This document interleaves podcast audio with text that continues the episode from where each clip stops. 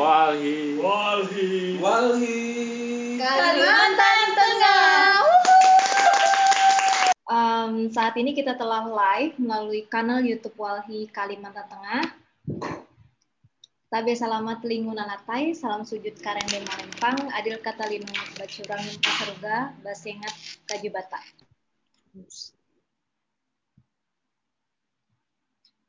Assalamualaikum warahmatullahi wabarakatuh.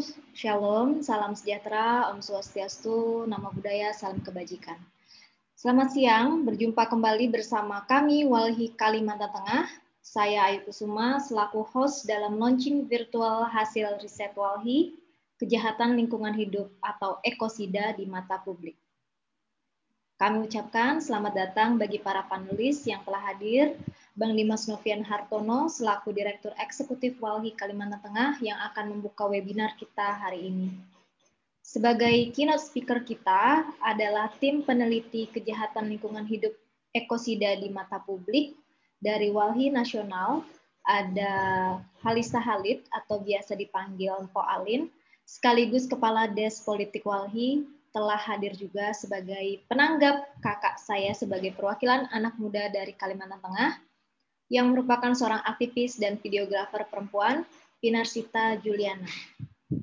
Kapinar adalah anggota individu Walhi Kalimantan Tengah, dan saat ini bekerja di Save Our Borneo, sebuah organisasi filmmaker terkait isu lingkungan dan hak asasi manusia. Dari Sivitas Akademika Universitas Muhammadiyah Palangkaraya telah hadir Mariati Aniun, seorang dosen aktivis dan juga merupakan anggota individu Walhi Kalimantan Tengah.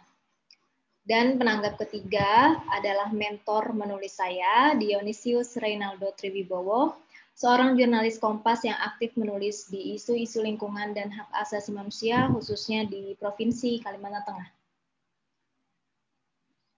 Oke, kalau kita perhatikan, sungguh menarik sekali panelis moderator, moderator uh, panelis kita hari ini. Jadi kami berharap uh, kesempatan ini bisa dimanfaatkan dengan baik oleh para peserta dan kawan-kawan yang menonton siaran langsungnya melalui channel YouTube Walhi Kalimantan Tengah. Silahkan memberikan pertanyaan yang ingin ditanggapi oleh para narasumber, uh, nanti bisa melalui kolom chat atau juga di fitur Q&A. Sebagai moderator kita telah hadir juga seorang aktivis perempuan dari ELSPA, Tri Oktaviani, yang baru saja wisuda bulan ini dari Universitas Palangkaraya. Selamat, Ani.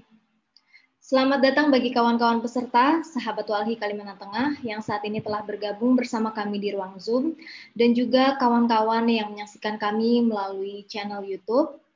Bagi peserta Zoom, Mohon untuk dapat mengisi daftar hadir yang nanti akan dibagikan oleh panitia melalui kolom chat, karena nanti setiap peserta akan mendapatkan e-certificate sebagai bentuk apresiasi kami atas kehadiran kawan-kawan pada webinar hari ini. Link e-certificate akan kami kirimkan melalui email masing-masing peserta, jadi pastikan Anda mengisi daftar hadir yang telah disediakan. Kami sampaikan kembali pertanyaan atau tanggapan bisa kamu sampaikan melalui kolom chat atau fitur Q&A di bawah. Uh, dan Wali Kalimantan Tengah telah menyediakan voucher giveaway berupa e-money bagi dua orang penanya, masing-masing senilai Rp100.000. Um, webinar uh, launching virtual hasil riset Walhi Kejahatan Lingkungan Hidup atau Ekosida di mata publik ini adalah seri webinar terakhir Walhi Kalimantan Tengah di tahun 2020. Kami berharap kondisi saat ini dapat membaik di tahun depan 2021 meskipun kita nanti berjumpa dalam seri webinar lainnya perjumpaan tersebut kami harapkan dapat dilakukan di tengah suasana yang lebih positif. Baik, untuk membuka launching virtual hasil riset Walhi Kejahatan Lingkungan Hidup Ekosida di mata publik hari ini, kami mengundang Direktur Walhi Kalimantan Tengah, Dimas Novian Hartono, untuk memberikan kata pembuka. Selanjutnya, webinar akan dipandu oleh Ani selaku moderator. Silakan Bang Dimas, kami persilakan. Baik, terima kasih banyak Ayu. Selamat datang bagi para panelis, moderator, dan teman-teman semua. Assalamualaikum warahmatullahi wabarakatuh. Selamat siang, salam sejahtera untuk kita semua. Tidak lupa saya mengucapkan selamat Natal dan Tahun Baru bagi teman-teman yang merayakan dan saudara-saudaraku semua yang ada di Kalimantan Tengah. Uh, pada webinar kali ini uh, saya diminta untuk melakukan pembukaan terkait dengan uh, webinar kita saat ini dan ini merupakan webinar terakhir kita semua di Wali Kalimantan Tengah di tahun 2020. Eh, pada periode 2005, Walhi telah menerbitkan buku yang berjudul Ekosida, Ecocide, Politik Kejahatan Lingkungan dan Pelanggaran Hak Asasi Manusia, sebuah upaya untuk mengangkat diskursus dan memberikan sebuah gambaran serta kecenderungan sebuah sistem eksploitasi sumber daya alam yang dilakukan secara terus-menerus hingga mengarah pada pemusnahan lingkungan hidup dan sumber-sumber kehidupan manusia yang terjadi di berbagai belahan dunia termasuk di Indonesia. Dan di tahun 2019, uh, Walhi juga kembali membuat kajian kejahatan ekosida dan korporasi. Sebuah kajian yang diperkuat dengan studi kasus yang diadvokasi dalam kurun waktu yang panjang. Di antaranya adalah kebakaran hutan dan lahan di Kalimantan Tengah, uh, kasus lumpur lapindo di Sidoarjo, dan kasus pembangunan dam Koto Panjang yang menenggelamkan desa dan habitat gajah sebagai sebuah diskursus baru, tentulah menjadi penting bagi kita untuk mengetahui sejauh mana kejahatan ekosida sebagai sebuah kejahatan kemanusiaan yang dipahami oleh publik luas. Diskursus ini atau diskursus kejahatan ekosida dan impunitas korporasi ini tidak mungkin akan didorong ke arah perubahan struktural dan sistematis melalui kebijakan negara. Jika tidak ada tekanan yang kuat dari publik, hal-hal ini atau hal-hal itu tersebut menjadi dasar bagi Walhi untuk melakukan riset persepsi publik terhadap kejahatan ekosida dan korporasi. Riset ini dilakukan di tengah situasi pandemi COVID-19, karenanya dengan pertimbangan kesehatan dan keselamatan, riset ini dilakukan secara daring dengan tetap berpegang pada metodologi yang dapat dipertanggungjawabkan. Untuk memulai acara ini, mungkin kita akan menonton film pendek yang berjudul Melacak Ekosida. Silakan, host.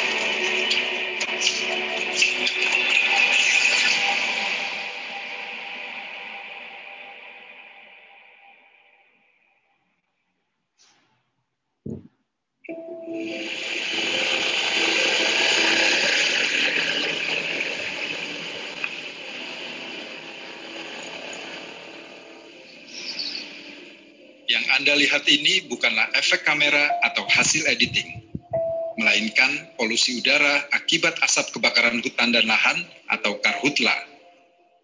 Di kota Palangkaraya, ibu kota Kalimantan Tengah, polusi terparah mencapai 1.300 persen di atas ambang udara yang sehat bagi manusia. Saat itu, udara bersih adalah barang mewah yang sulit didapat. Sebaliknya, kepanikan seperti ini mudah dijumpai setiap hari.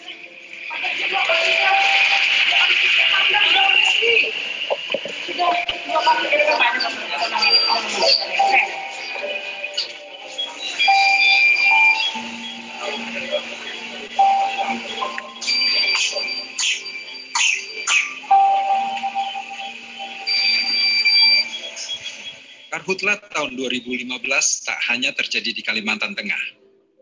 Lima provinsi lain juga dinyatakan sebagai wilayah darurat bencana karhutla.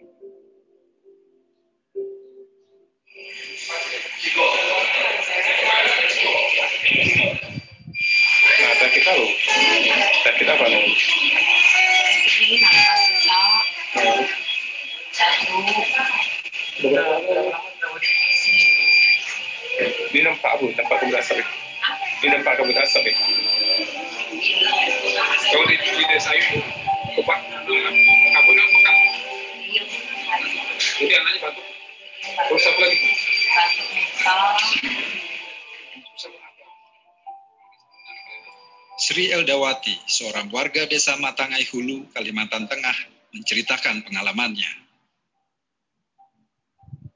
Eh, banyak warga kami yang kena penyakit ISPA. Eh, di sini juga banyak yang kena penyakit paru-paru. Ya, dan itu banyak yang terjadi yang paru-paru sama yang dibilang orang sini bahayok itu banyak orang tua lanjut usia itu dan para anak-anak kebanyakan mereka eh, ispanya yang sudah dianggap akut gitu. Di tahun yang sama, saat kebakaran hutan terjadi, Dr. Agus Dwi Susanto, seorang ahli paru, melakukan riset dampak kebakaran hutan terhadap kesehatan warga di Pekanbaru, Riau.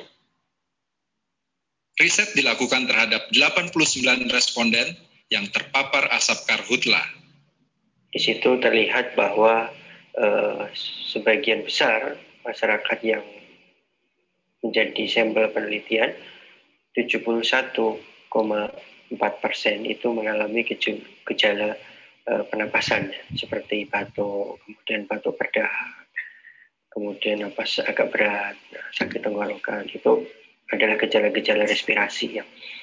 Dan di luar itu terdapat juga keluhan-keluhan non respirasi seperti keluhan mata merah, ya kemudian keluhan pada kulit, keluhan mual atau saluran cerna. Ditemukan sekitar 84,7 persen pada sampel penelitian tersebut.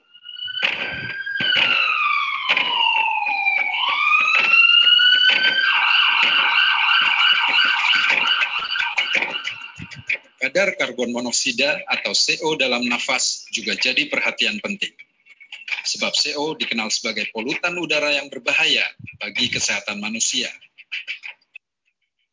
Dari hasil riset itu, eh, kita temukan bahwa eh, sekitar 72,6 persen masyarakat yang menjadi sampel penelitian itu terdapat gangguan fungsi paru, terjadi penurunan fungsi paru.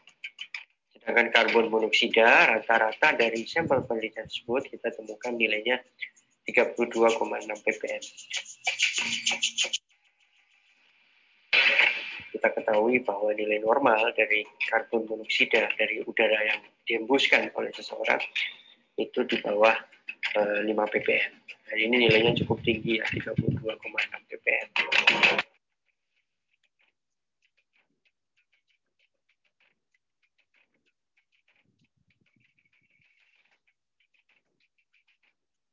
Anak-anak dan lansia adalah korban yang paling rentan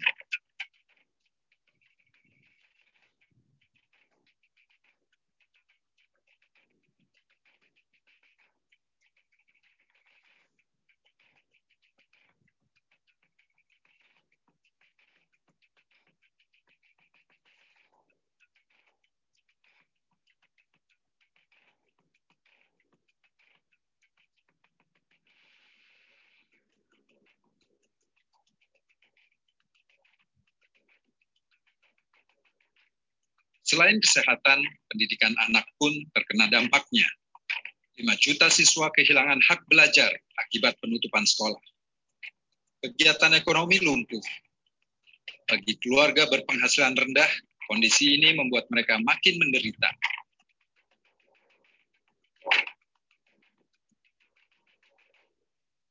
Kalau orang mampu nggak apa-apa Pak, kalau orang miskin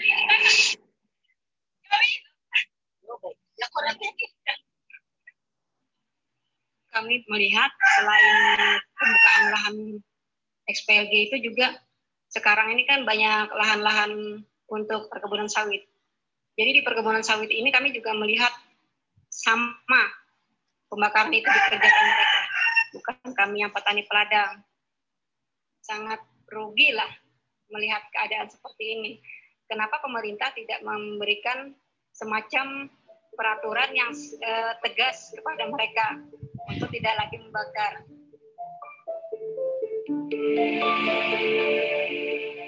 Kerugian ekonomi diperkirakan mencapai 220 triliun rupiah atau lebih dari lima kali kerugian akibat tsunami Aceh tahun 2004.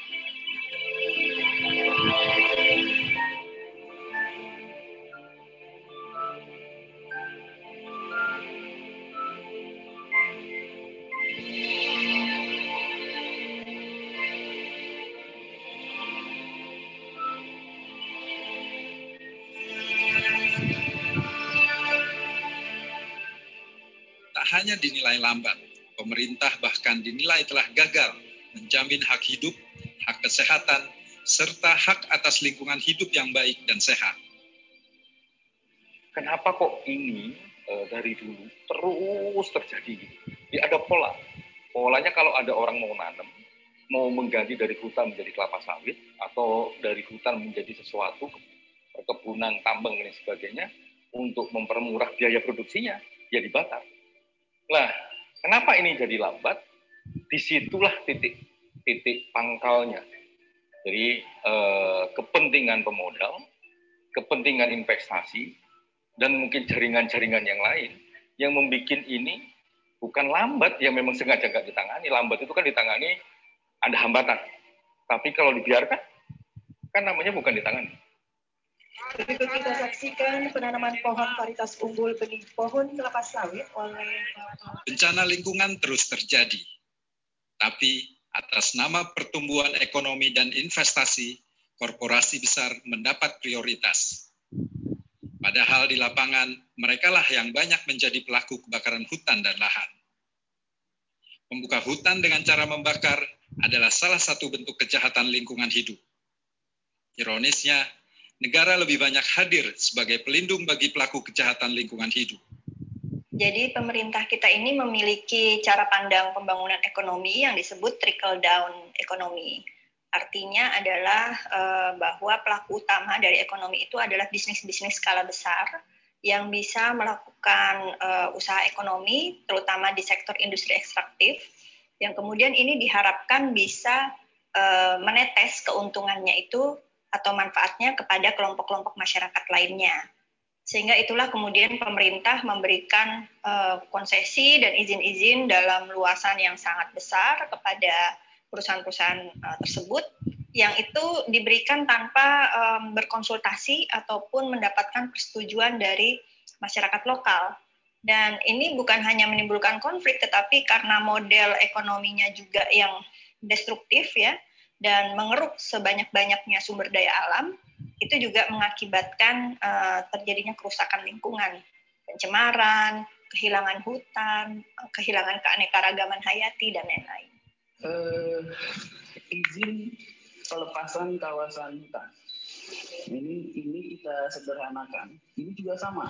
Izin prinsip dulu dua tahun, empat tahun baru keluar izin. Nah ini bisa kita uh, singkat dalam 12 sampai 15 hari. 12 hari lah. Mengapa teman-teman ini perlu waktu? Inilah contoh bagaimana produk kebijakan negara memberikan keistimewaan bagi korporasi.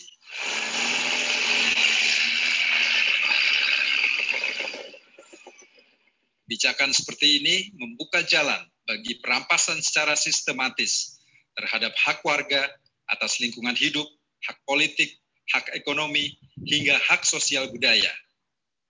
Selain kebijakan negara yang menguntungkan bagi korporasi, tak sedikit korporasi yang seolah memiliki impunitas atau kebal di hadapan hukum.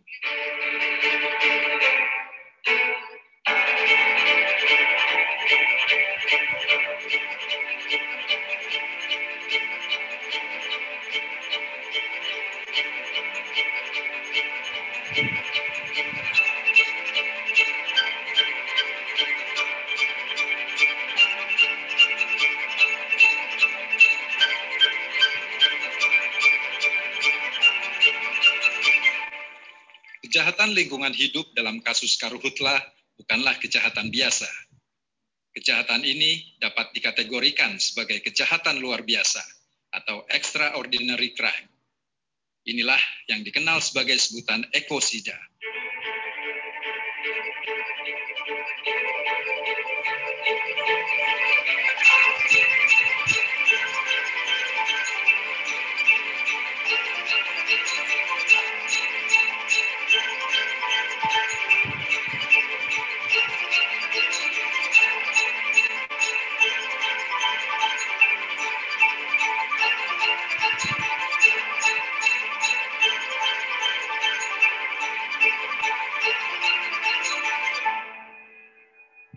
Ada beberapa hal yang bisa kita lihat dia sebagai kategori uh, ekosida ya. Jadi satu kehancuran yang memang uh, tidak bisa dipulihkan kembali gitu. Sifatnya sangat masif, uh, tidak terpulihkan dan juga ini bersifat lintas generasi.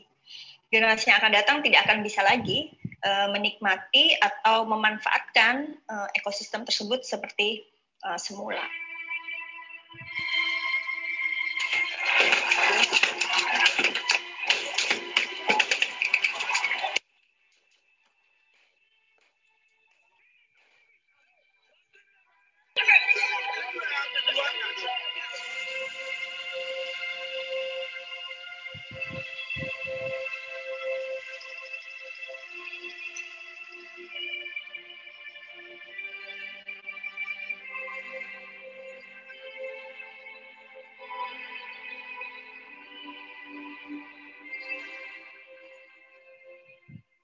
Kejahatan ekosida seperti kasus karhutla menghasilkan kehancuran lingkungan yang ekstrim.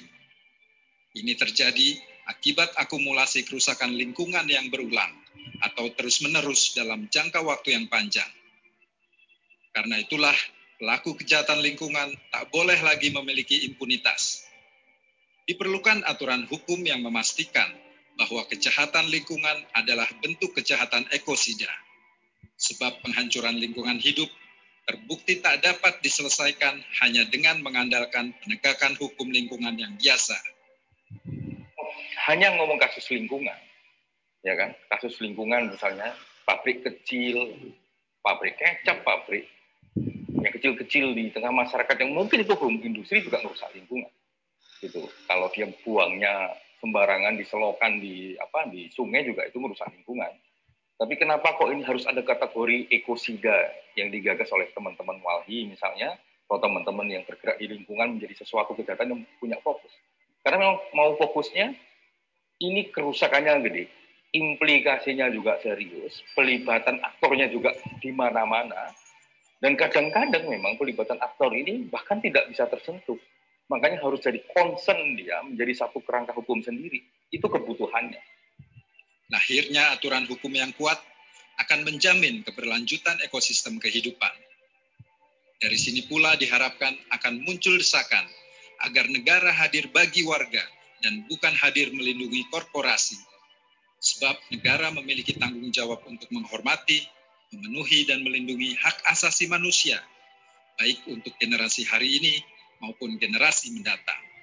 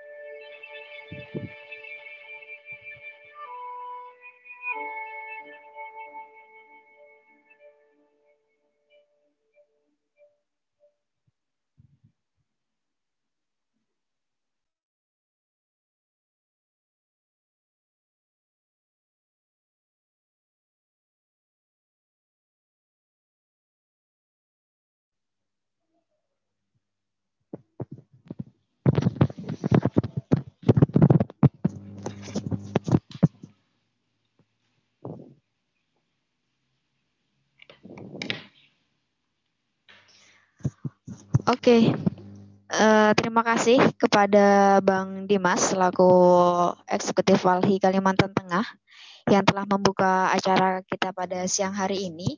Kawan-kawan, tadi juga teman-teman sudah menonton ya uh, video mengenai riset kawan-kawan Walhi Nasional tentang kejahatan lingkungan hidup atau ekosida di mata publik.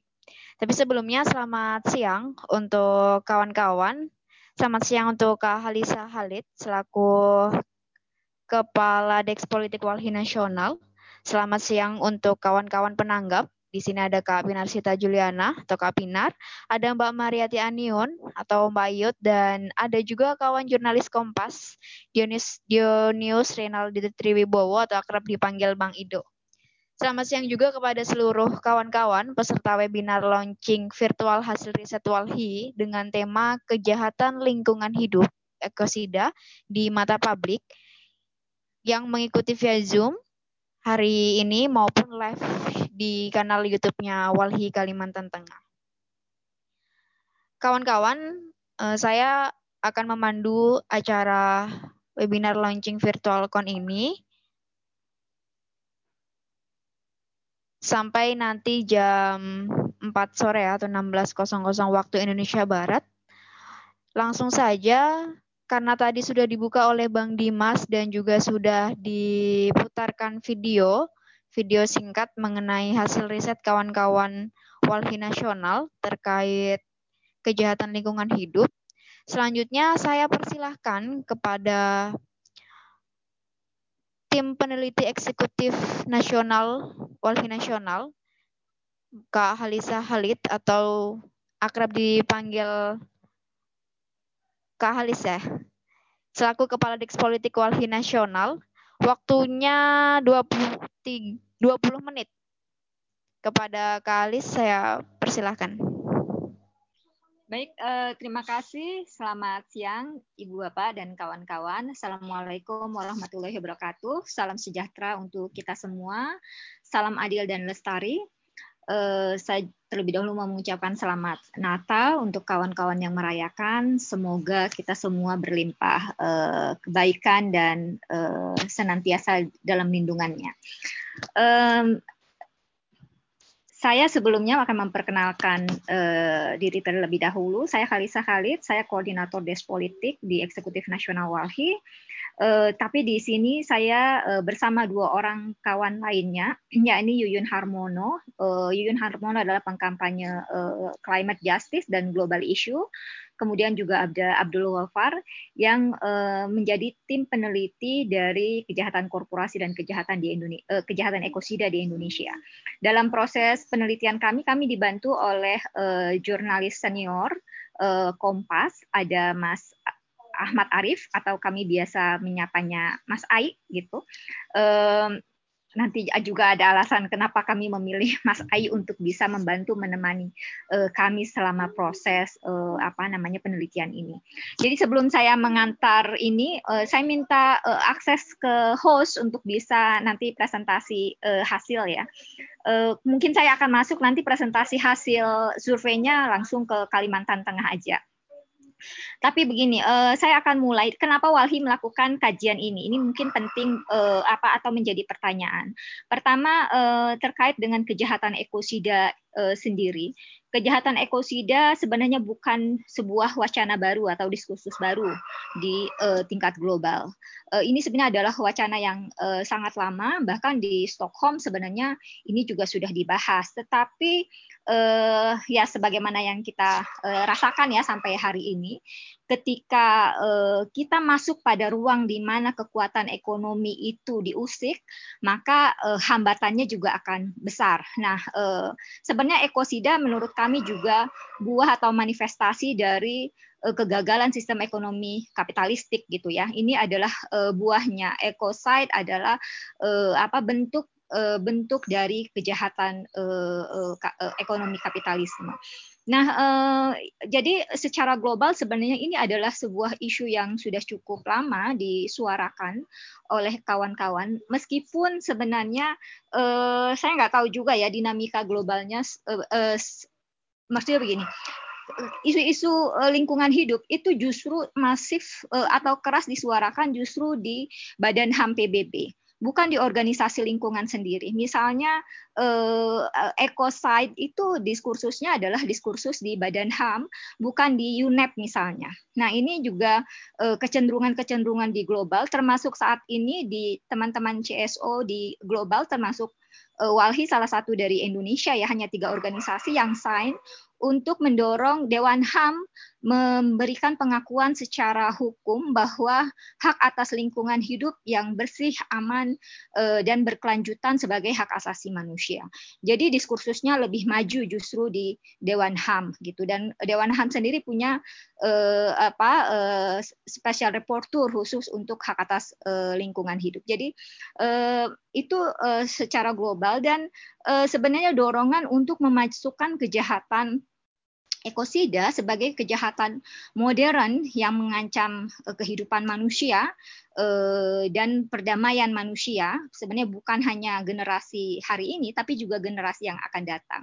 Dan mendorong memasukkannya sebagai uh, kejahatan kelima di dunia gitu. Yang bisa dibawa ke eh, ICC ya. Uh, dalam hal ini yang uh, apa mengadili pidana-pidana kejahatan uh, internasional ya. Termasuk uh, empat uh, kita tahu di Roma Statut itu sudah memasukkan empat kejahatan uh, uh, internasional gitu ya. Uh, ada kejahatan uh, kemanusiaan genocide yang mungkin kita lebih familiar kemudian juga kejahatan perang dan agresi. Nah uh, di 2011 uh, ada seorang lawyers ya uh, di London, dia kemudian mencoba melakukan terobosan mengamandemen Statuta Roma. Nah, uh, dia ingin mengusulkan ecocide sebagai kejahatan kelima di dunia yang bisa dibawa ke ICC. Nah, kenapa? Tentu saja karena uh, kita tahu gitu ya uh, saat ini kejahatan lingkungan ini sudah semakin masif terjadi gitu apalagi penguasaan ekonomi dunia yang dikuasai sebagian besar oleh korporasi itu sebenarnya semakin menunjukkan bahwa ini adalah kejahatan yang sistematis gitu dan dampaknya begitu uh, besar terjadi. Sebelumnya uh, apa diskursusnya memang dimulai dari setidaknya muncul kembali itu di uh, perang di Vietnam. Tapi ini ingin didorong sebagai uh, bukan masuk dalam kejahatan perang, tapi memang kejahatan uh, ecocide gitu, kejahatan lingkungan yang uh, sudah mengancam kehidupan dan perdamaian umat manusia gitu. Nah, um, it, uh, mencoba mendorong itu di amandemen di uh, Roma Statut. Uh, sayangnya belum sempat uh, kejadian, uh, beliau sudah meninggal ya tahun lalu, tahun 2019. Nah, uh, bahkan sebenarnya ICC sendiri udah sedikit merespon respons. ICC uh, sendiri di tahun 2016 itu uh, mengajak masyarakat global gitu ya untuk mulai memberikan perhatian serius kepada uh, konflik agraria dan kejahatan lingkungan. Jadi sebenarnya ICC ini sudah uh, uh, apa namanya membuka peluang itu dan artinya sebenarnya ini opportunity gitu ya bagi gerakan di global untuk bisa terus uh, mendorong agenda ini ke tengah gitu. Nah, uh, pertanyaannya adalah lalu bagaimana dengan di Indonesia. Diskursus ini di Indonesia seperti apa gitu. E, tadi saya coba tarik dari global kemudian ke nasional seperti apa. Nah, sebenarnya apa yang terjadi di tingkat global itu kalau krisisnya, keseharian krisisnya, faktanya itu jelas gitu, dialami di Indonesia kita bisa melihat fakta-fakta kejahatan lingkungannya di Indonesia itu secara kasat mata ya misalnya kalau kita mau mengambil contoh Kalimantan Tengah sebagai satu contoh kita bisa melihat bagaimana kebakaran hutan dan lahan yang terjadi sejak 97 setidaknya gitu ya. Dan terus berulang gitu eh, dengan dampak yang luar biasa tidak bisa dipulihkan dan seterusnya. Ini sebenarnya sudah menggambarkan eh, bagaimana situasi krisis eh, apa namanya krisis yang diakibatkan dari kejahatan lingkungan yang dilakukan oleh korporasi itu adalah fakta yang dampaknya dialami itu bahkan dampaknya meluas gitu ya dan tidak bisa dipulihkan. Nah, um, Walhi sendiri uh, coba mendorong terus untuk menyuarakan uh, ekosida dalam diskursus uh, di tengah publik Indonesia. Nah, um, memang kita dihadapkan pada kenyataan cukup sulit untuk membawa uh, kejahatan ekosida itu masuk ke ke apa ke, menjadi wacana publik atau wacana yang ada di pengambil kebijakan.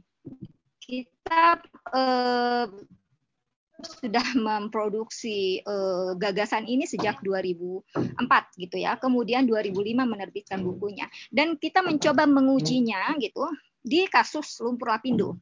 Nah, sayangnya lumpur kasus lumpur lapindo kemudian diputuskan dalam paripurna Komnas HAM bukan sebagai eh, apa namanya pelanggaran berat HAM karena tidak ditemukan terminologi kejahatan ekosida dalam Undang-Undang 26 tahun 2000 tentang pengadilan HAM. Jadi kita terbentur dengan uh, hukum uh, yang uh, apa namanya hukum yang formalistik ya. Jadi belum ada cantolannya gitu sehingga kemudian tidak bisa disebut sebagai pelanggaran berat HAM. Sebenarnya waktu itu ekspektasinya adalah kalau tidak ada normanya di dalam hukum hukum itu di dalam kebijakan maka setidaknya bikinlah terobosan gitu ya untuk bisa memberikan keadilan bagi korban eh, dan keadilan bagi lingkungan sendiri. Nah, oke, okay. sampai di situ kemudian dan e, sampai saat ini faktanya meskipun rentetan bencana ekologis, kemudian kejahatan lingkungan itu setiap hari terjadi, tapi e, kemudian memang e, apa namanya wacana ekosida sendiri masih berkutat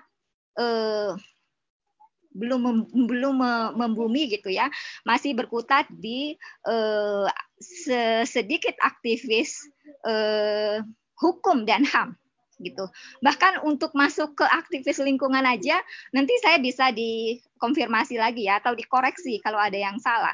Tapi di organisasi lingkungan sendiri setidaknya baru Walhi yang coba untuk mengusung ini kejahatan ekosida gitu semoga ke depan eh, gerakannya semakin luas. Nah, karena itulah sebenarnya eh, kita sudah melakukan mencoba mendorong ini menjadi diskursus publik sejak 2005 dan kita mengujinya lewat kasus-kasus terakhir buku yang kita terbitkan sebenarnya penelitian yang diterbitkan mencoba untuk berbasis pada kasus yang diadvokasi oleh Walhi secara langsung. Tiga kasus besar ya, e, Karhutla, kemudian Lumpur Lapindo, dan pembangunan dam Kuto Panjang.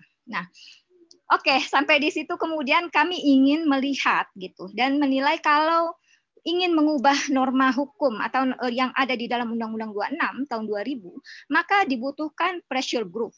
Pressure group itu adalah oh, masyarakat luas gitu sebagai sebuah produk politik kalau tidak ada tekanan dari publik maka akan menjadi sangat sulit kecuali anggota DPR-nya atau pemerintahannya mungkin uh, punya keberpihakan. Tapi kita tahu sejak agenda reformasi di korupsi, uh, kemudian mosi tidak percaya gitu ya, itu seperti apa kondisinya kita juga tahu.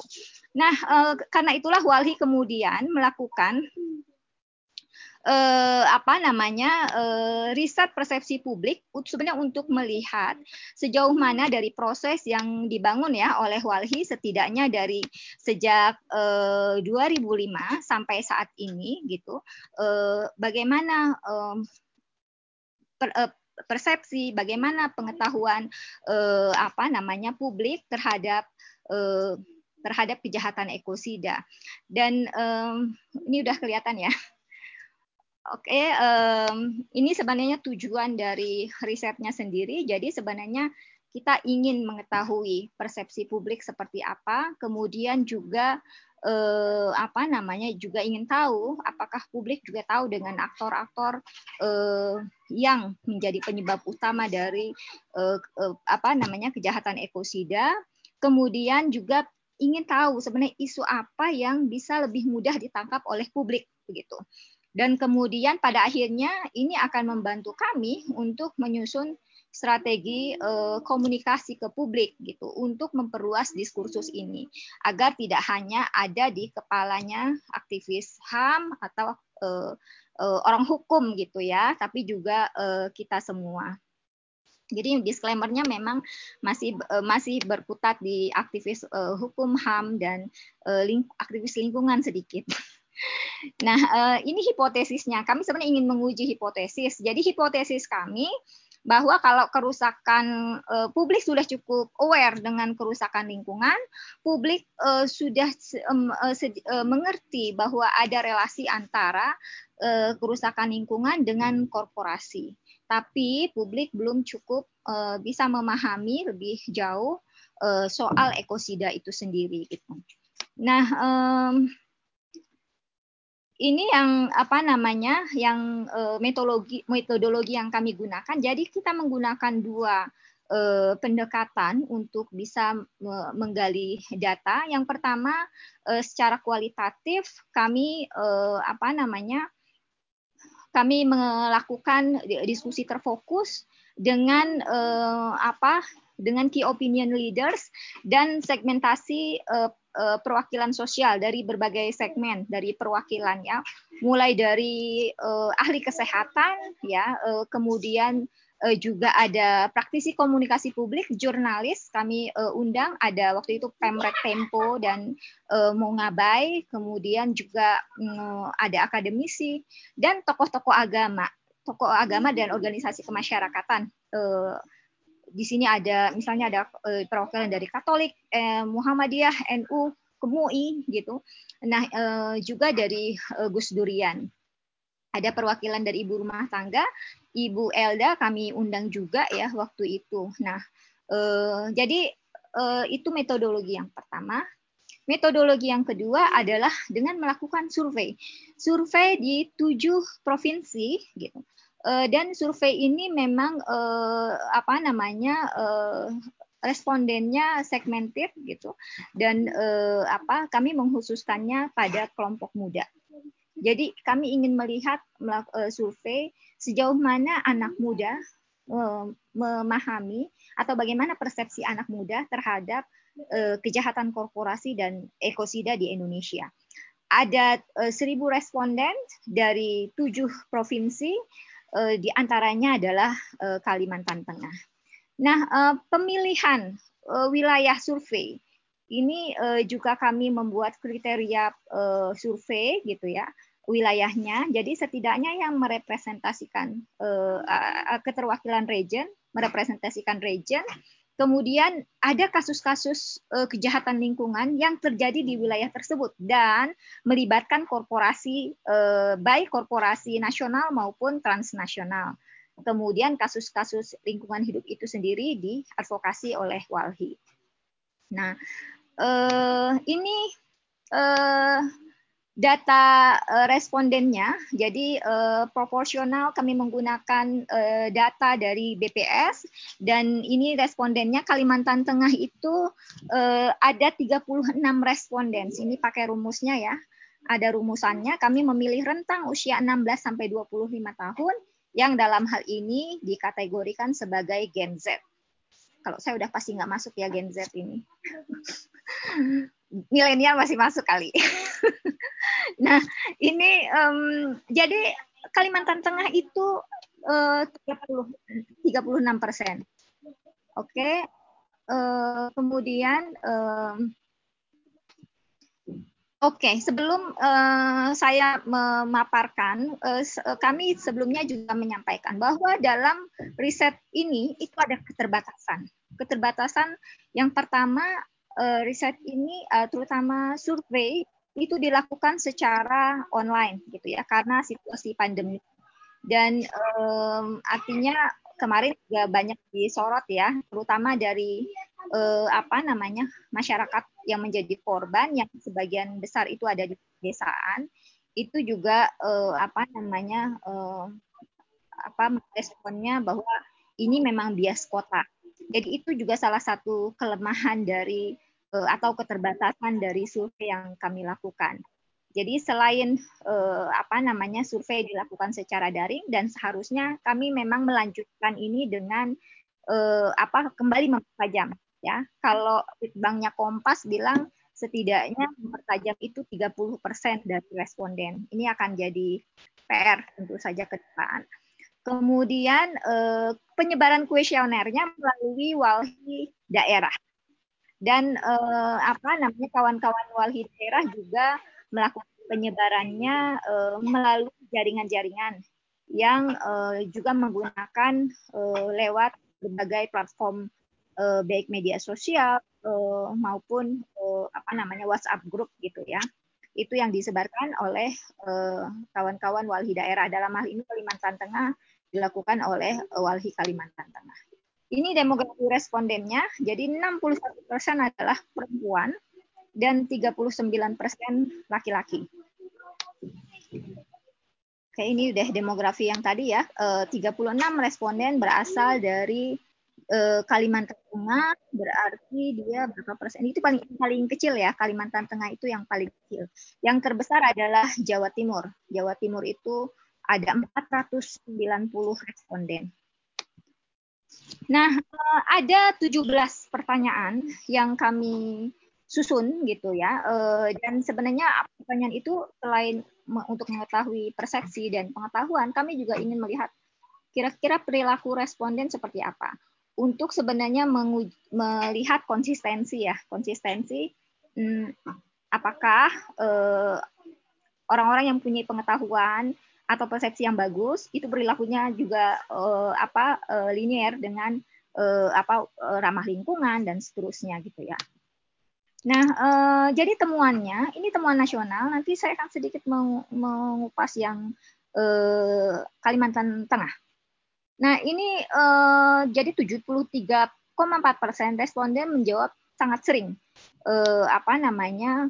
Nah, mereka sudah, jadi responden ini adalah orang-orang yang 73 persen sudah menerapkan perilaku yang peduli lingkungan atau ramah lingkungan. Misalnya sebagai contohnya, oke okay, dia bawa tumbler, dia udah mengurangi sampah, dia uh, uh, apa gerakan menanam uh, pohon dan seterusnya. Nah, kemudian uh, ini adalah saya kira modal ya, modal buat kita semua bahwa 97% anak muda menyatakan uh, pernah membantu dan bersedia akan membantu jika terjadi bencana ekologis. Baik dia mau menjadi relawan maupun yang mau melakukan donasi. Nah, di ini di aspek uh, persepsinya uh, menarik gitu ya bahwa anak muda gitu sudah Pauline waktunya dua menit lagi ya Pak. Oke. Okay. Bahwa uh, apa namanya uh, anak muda sebenarnya sudah tahu bahwa uh, apa namanya uh, sudah sebagian besar ya kalau dari ini aja deh saya ke sini sebagian besar anak muda itu angkanya di atas 85 persen bahkan ya. Anak muda eh, di tujuh provinsi ini itu sudah mengetahui bahwa persoalan lingkungan hidup itu adalah persoalan struktural dan melibatkan eh, apa namanya korporasi sebagai kekuatan besarnya.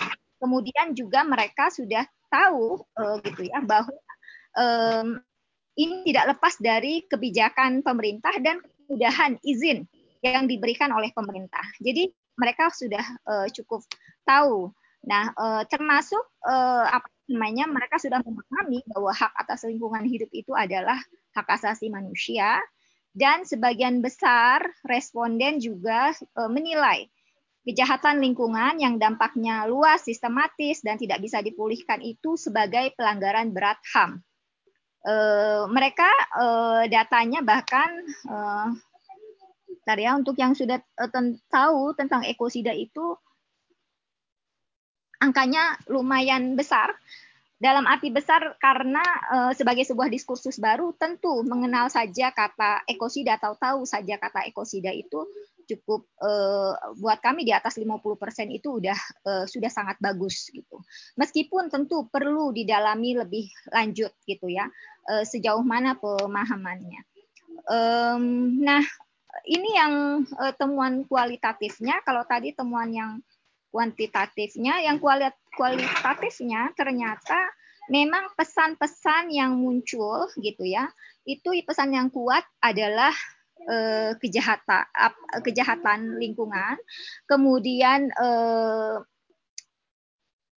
kemudian ada uh, hak uh, hak uh, lingkungan hidup ya, kemudian hak uh, hak hak atas lingkungan, dan ini eh, kata-kata yang uh, pesan yang muncul yang kuat.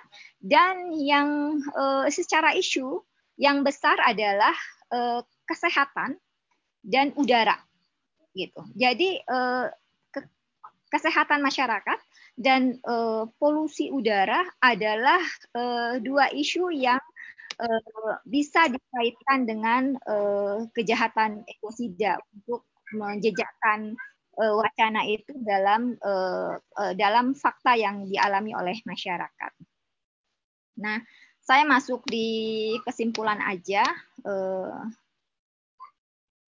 nah, ini di kesimpulannya. Jadi sebenarnya dari temuan survei gitu ya, ini uh, kita mendapatkan kesimpulan bahwa anak muda di rentang usia 16 sampai 25 tahun yang dalam hal ini masuk sebagai kategori generasi Z itu sudah memiliki kepedulian dan pengetahuan yang cukup uh, luas ya uh, terkait dengan kejahatan struktural lingkungan gitu uh, yang ada di tujuh provinsi ini. Jadi um, mereka sudah cukup tahu persoalan in, persoalan kejahatan lingkungan adalah kejahatan struktural gitu dan e, juga tahu soal kejahatan ekosida. Sebenarnya ini memperkuat survei-survei yang sebelumnya.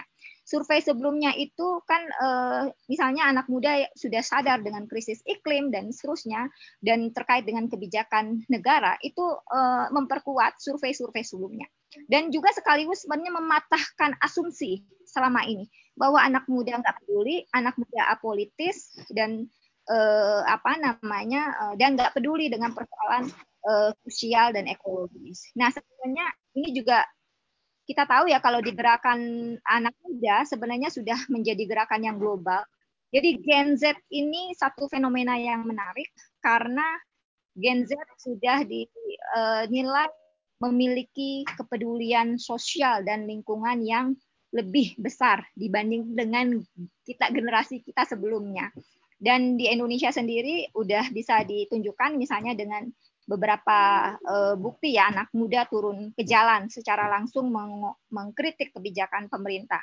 Misalnya reformasi di korupsi, kemudian mosi tidak percaya digerakkan oleh uh, kelompok muda dan sebenarnya ini memberikan pesan gitu kepada orang kepada pengurus negara dan orang yang lebih tua yang membuat kebijakan ini bahwa uh, anak muda kalau sudah bergerak itu sebenarnya berbahaya gitu uh, dan ini menjadi satu kekuatan yang besar. Um, itu uh, yang bisa saya sampaikan tapi uh, karena waktunya terbatas sebenarnya untuk data Kalimantan Tengah sendiri uh, saya mau sebentar aja mau ini ya. Dua menit cukup kok uh, cukup. Enggak saya cuma ini aja. Enggak okay. mungkin enggak uh, menyampaikan. Se ini aja mau beberin aja. Beberin beberin apa sih bahasa Betawi. Jadi ini ya uh, ini angkanya dari Kalimantan Tengah 92 persen anak muda di Kalimantan Tengah sudah menerapkan perilaku ramah lingkungan peduli lingkungan kemudian uh, 90% anak muda di Kalimantan Tengah, eh, Tengah setuju dan sangat mendukung gugatan terhadap eh, kejahatan korporasi. Kemudian 100% bahkan anak muda di Kalimantan Tengah ini eh, bersedia untuk menjadi relawan dan membantu gitu eh, terkait dengan bencana-bencana ekologis dan eh, kerusakan lingkungan eh, setuju, 95% setuju dan sangat setuju untuk memboikot produk korporasi yang merusak lingkungan. Ini gerakan-gerakan protes yang bisa dilakukan oleh anak muda gitu. Kemudian juga mereka 94 eh, persen ya, eh, bahkan angkanya sebenarnya eh, relatif konsisten 94, 95 persen itu setuju memberikan sanksi hukum kepada korporasi baik pidana, perdata maupun pencabutan izin gitu. itu apa namanya mereka setuju sebagai 90 persen lebih bahkan dan uh, 100% anak muda di Kalimantan Tengah itu uh, setuju warga melakukan gugatan hukum terhadap korporasi. Uh, dan ini yang ekosida uh, 94% anak muda di Kalimantan Tengah menilai bahwa hak atas lingkungan adalah hak asasi manusia. Kemudian kita lihat uh, ekosidanya 72 persen. 72 persen anak muda di Kalimantan Tengah tahu tentang ekosida.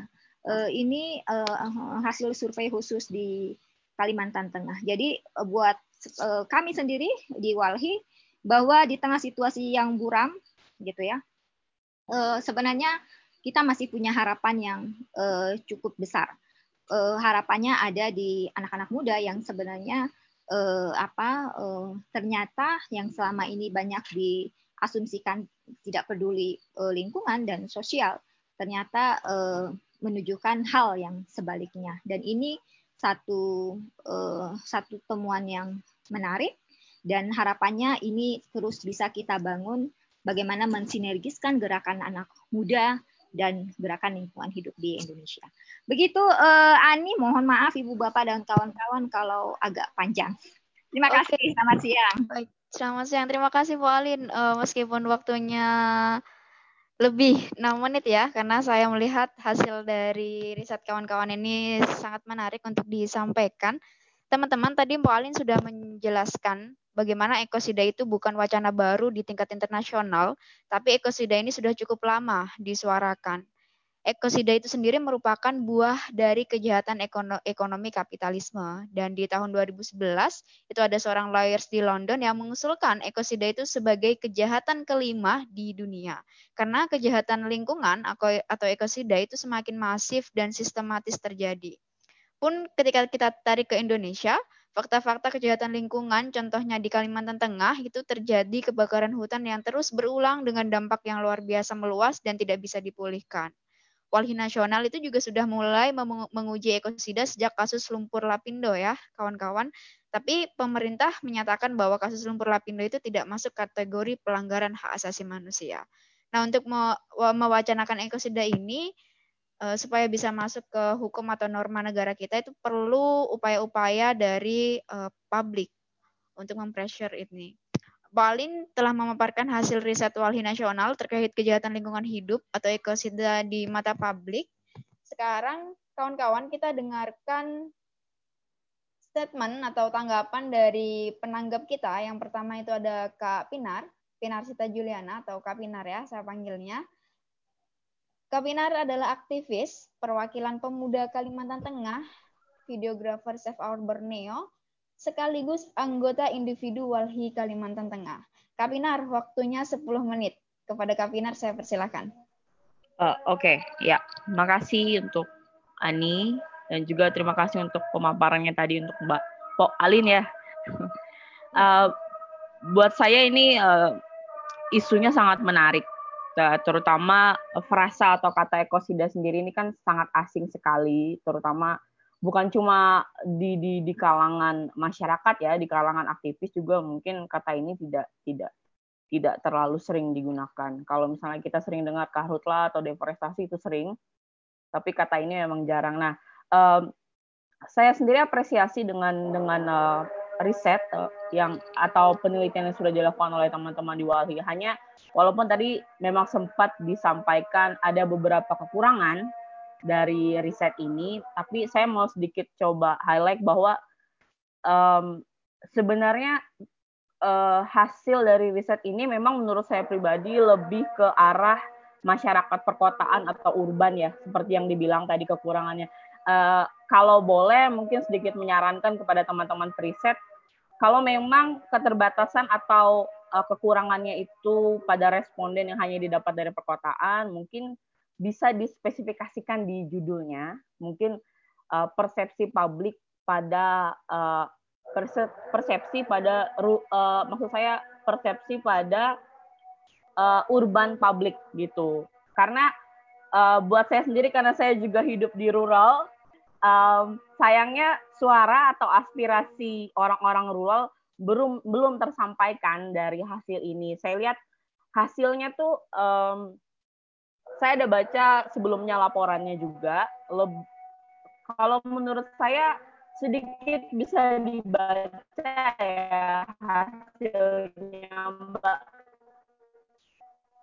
Karena kalau kita bilang masyarakat perkotaan, istilah ini sangat tidak asing buat mereka, seperti bawa air minum uh, ke mana-mana botol air minum. Sedangkan uh, hal-hal seperti ini kalau saya sebagai anak muda di Kalimantan Tengah sering lihat umumnya juris dari volunteer atau dia gabung di di, di uh, kegiatan-kegiatan yang berkaitan dengan uh, lingkungan. Jadi untuk secara umum saya sebagai orang yang tinggal di Kalimantan uh, tidak melihat hal-hal ini masih atau hal-hal ini sudah membudaya di risetnya.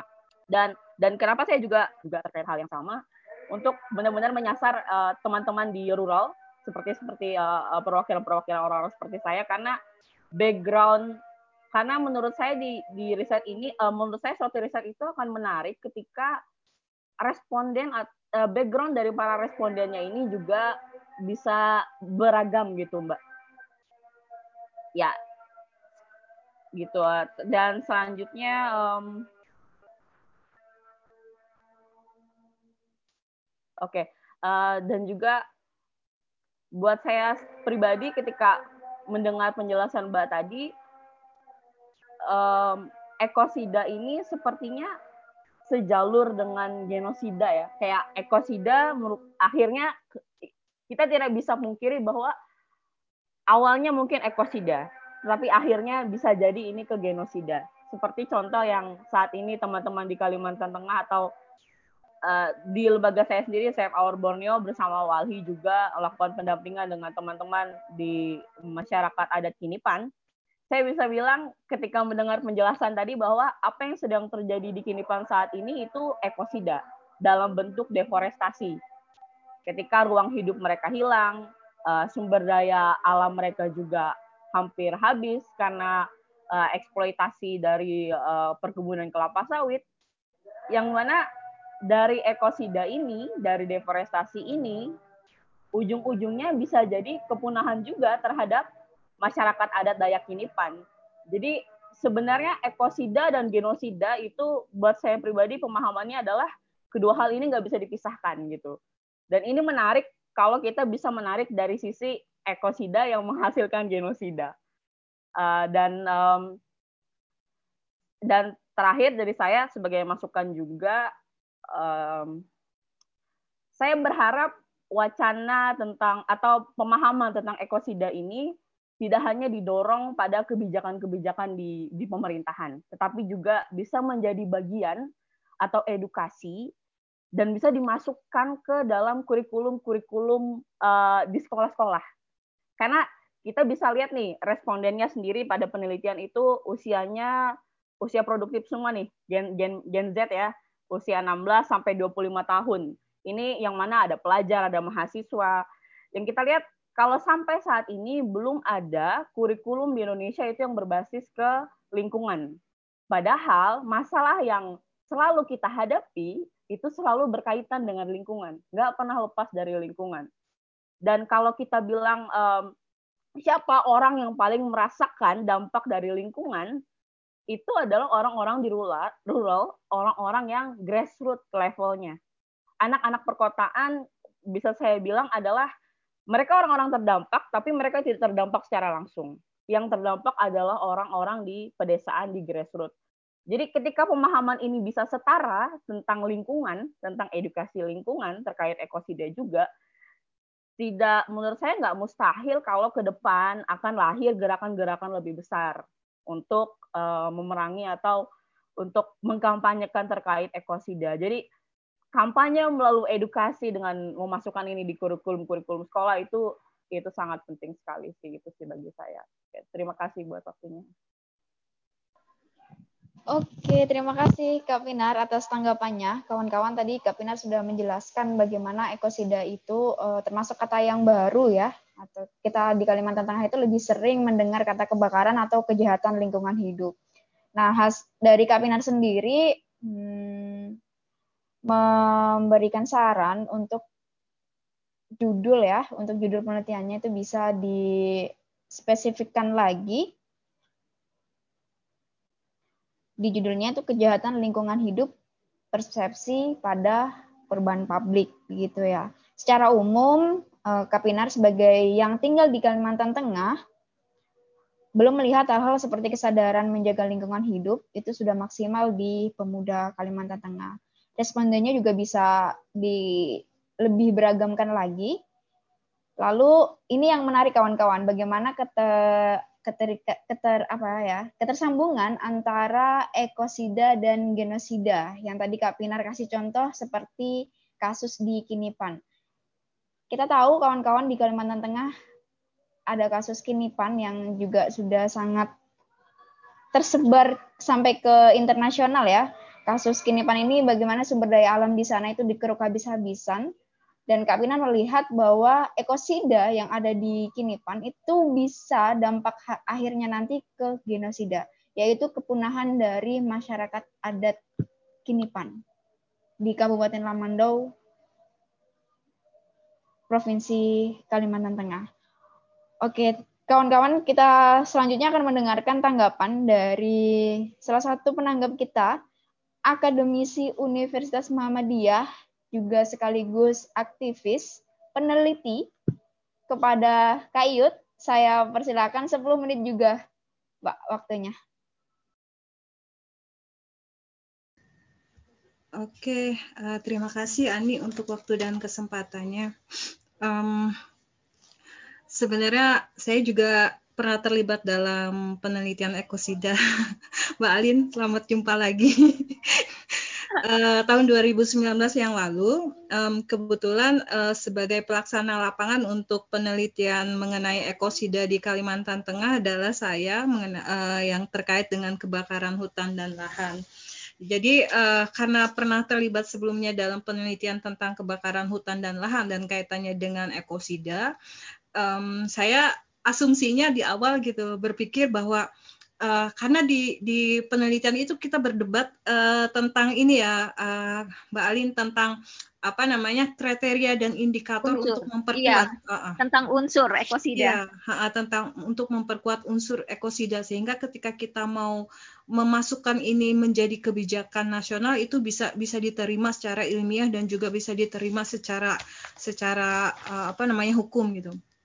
Nah, bayangan saya ketika uh, ada hasil riset tentang opini uh, berkaitan dengan ekosida, uh, saya berharapnya gitu bahwa kita akan ngebahas memperkuat uh, apa namanya indikator-indikator uh, yang yang kita bangun sebelumnya.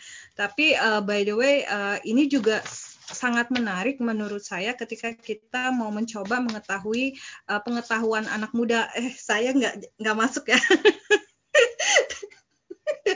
terlalu tua.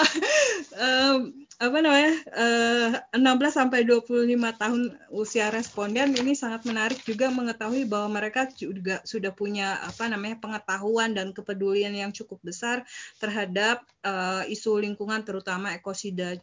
Cuman saya menyayangkan sebenarnya kenapa di Kalteng hanya 36 responden. Seharusnya ini bisa lebih banyak kalau misalnya ada kawan-kawan walhi yang yang berkoordinasi dengan saya, saya tuh bisa mewajibkan mahasiswa saya untuk sebagai responden juga gitu loh sehingga apa namanya uh, peserta yang bisa dilibatkan itu akan menjadi lebih banyak responden tidak hanya kemudian menjadi 36 responden gitu. Jadi um, ke depan mungkin kalau ada apa namanya um, saya menawarkan diri membantu gitu kalau ada hal-hal yang seperti ini untuk bisa juga uh, melibatkan mahasiswa-mahasiswa saya juga untuk sebagai apa mungkin uh, mereka bisa berpartisipasi dalam mengisi kuesioner atau apa nanti dalam penelitian-penelitian berikutnya. Um, terkait dengan metodologi mungkin saya ingin sedikit uh, apa namanya um, mempertanyakan untuk uh, penelitian ini Mbak Alin. Uh, uh, dijudulkan adalah kejahatan korporasi dan ekosida.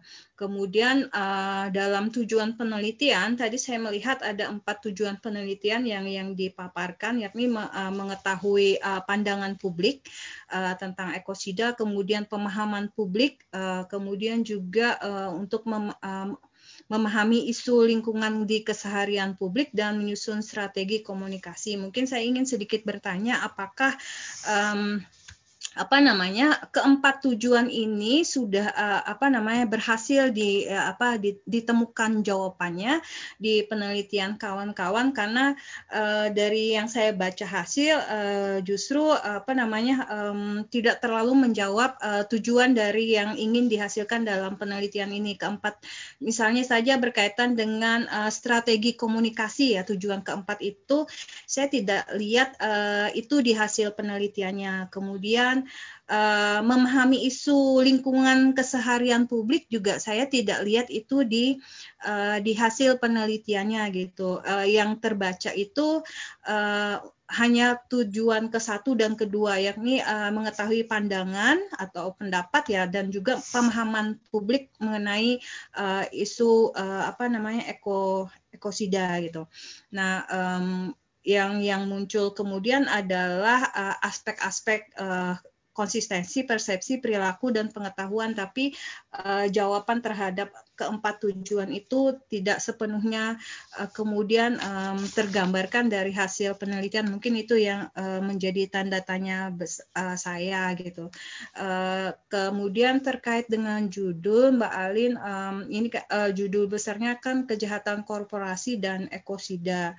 Nah itu juga di benak saya itu menjadi pertanyaan apakah gitu dari judul ini kemudian di hasilnya akan terjawab soal bentuk kejahatan korporasi yang seperti apa. Apakah semua korporasi itu kemudian menjadi pelaku kejahatan ekosida? Itu uh, apa namanya? Uh, ketika kita lihat judulnya kan pertanyaannya, oh ya berarti korporasi sebagai pelaku kejahatan uh, lingkungan dan bisa jadi itu masuk dalam apa namanya ekosida. Nah, tapi kemudian korporasi yang seperti apa? Apakah semua korporasi itu masuk dalam kategori kategori penjahat lingkungan atau tidak gitu. Nah ini yang yang uh, kaitannya akan menjadi beban uh, di judul penelitian ya ketika uh, judul penelitiannya langsung me me mengejar korporasi di situ, tapi kemudian di, uh, tidak tampak sangat jelas di hasil kemudian korporasi yang seperti apa. Uh, kita mungkin tidak bisa mengkategorikan semua korporasi sebagai pelaku gitu ketika uh, kita tidak membangun indikator walaupun penelitian itu sudah kita coba uh, lakukan sebelumnya gitu. Tapi kan publik uh, yang membaca hasil riset mungkin uh, tidak terkoneksi dengan hasil penelitian sebelumnya sehingga ketika membaca ini juga uh, apa jawaban-jawaban yang muncul ketika membaca judul itu tidak terjawab di, ha di hasil penelitiannya. Uh, lalu uh, terkait dengan pertanyaan-pertanyaan yang dibangun dalam berbagai aspek tadi, menurut saya um, itu juga terlalu me, apa menggiring opini karena uh, pertanyaannya setuju atau tidak setuju gitu. Jadi um, mungkin apa bentuk pertanyaannya mungkin bisa bisa ada ada uh, apa namanya ada bentuk pertanyaan yang lain sehingga uh, tidak ter ini pendapat saya pribadi ya. Bisa saja kemudian um, tidak uh, teman-teman tidak sepakat dengan itu. Um, tapi saya ber, berpendapat ini terlalu menggiring opini sehingga kemudian muncul uh, kesimpulan um, yang bisa di, diprediksi gitu loh. Soal misalnya uh, kejahatan korporasi bahwa korporasi adalah penjahat gitu terkait dengan ekosida karena karena pertanyaan yang yang kemudian menggiring gitu. I, itu saja. Lalu uh, mungkin sedikit uh, apa namanya uh, tambahan soal um, apa namanya uh, ini mungkin bisa jadi ide bagus ya untuk uh, strategi apa namanya strategi advokasi uh, ketika dari pertanyaan di ada pertanyaan di terakhir itu mengenai pengetahuan kerusakan lingkungan di publik yang menjadi responden itu kebanyakan mereka lebih banyak tahu kejahatan lingkungan melalui media sosial gitu. Jadi saya pikir um, kayak sekarang Instagram dan lain sebagainya itu bisa jadi alat advokasi yang sangat uh, sangat apa namanya sangat mujarab untuk membangun uh, pemahaman publik ter, termasuk juga mungkin me, me, apa membangun pemahaman publik berkaitan dengan ekosida. Dan ini bisa bisa uh, menjadi alat kawan-kawan walhi juga untuk untuk uh, kampanye dan lain sebagainya. Itu saja saya pikir tanggapan dari saya. Terima kasih banyak untuk kesempatannya. Saya kembalikan ke Ani. Silakan Ani.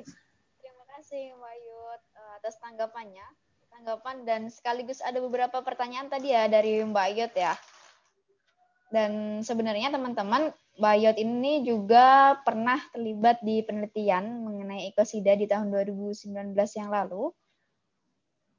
Dan Bayot berharap uh, bisa memperkuat indikator-indikator yang sudah dibangun sebelumnya, seperti uh, usia responden 16 sampai 20 tahun itu sudah banyak yang sedang akan menjaga lingkungan dan 36 responden saja ini diharapkan Bayut mengharapkan teman-teman atau anak-anak mahasiswanya itu bisa dilibatkan di penelitian-penelitian selanjutnya gitu. Terkait metodologi, judul dan beberapa pertanyaan tadi juga telah disampaikan oleh Mbak Yud. Nanti ada sesi untuk Pak Alin bisa menanggapi pertanyaan-pertanyaan itu. Tapi sebelumnya kawan-kawan kita dengarkan terlebih dahulu penanggap kita yang terakhir, yang ketiga. Ada jurnalis Kompas, Bang Ido waktu dipersil waktunya dipersilakan Bang Sugeng. Kasih berapa menit nih? Silakan. Kebanyakan tuh nih.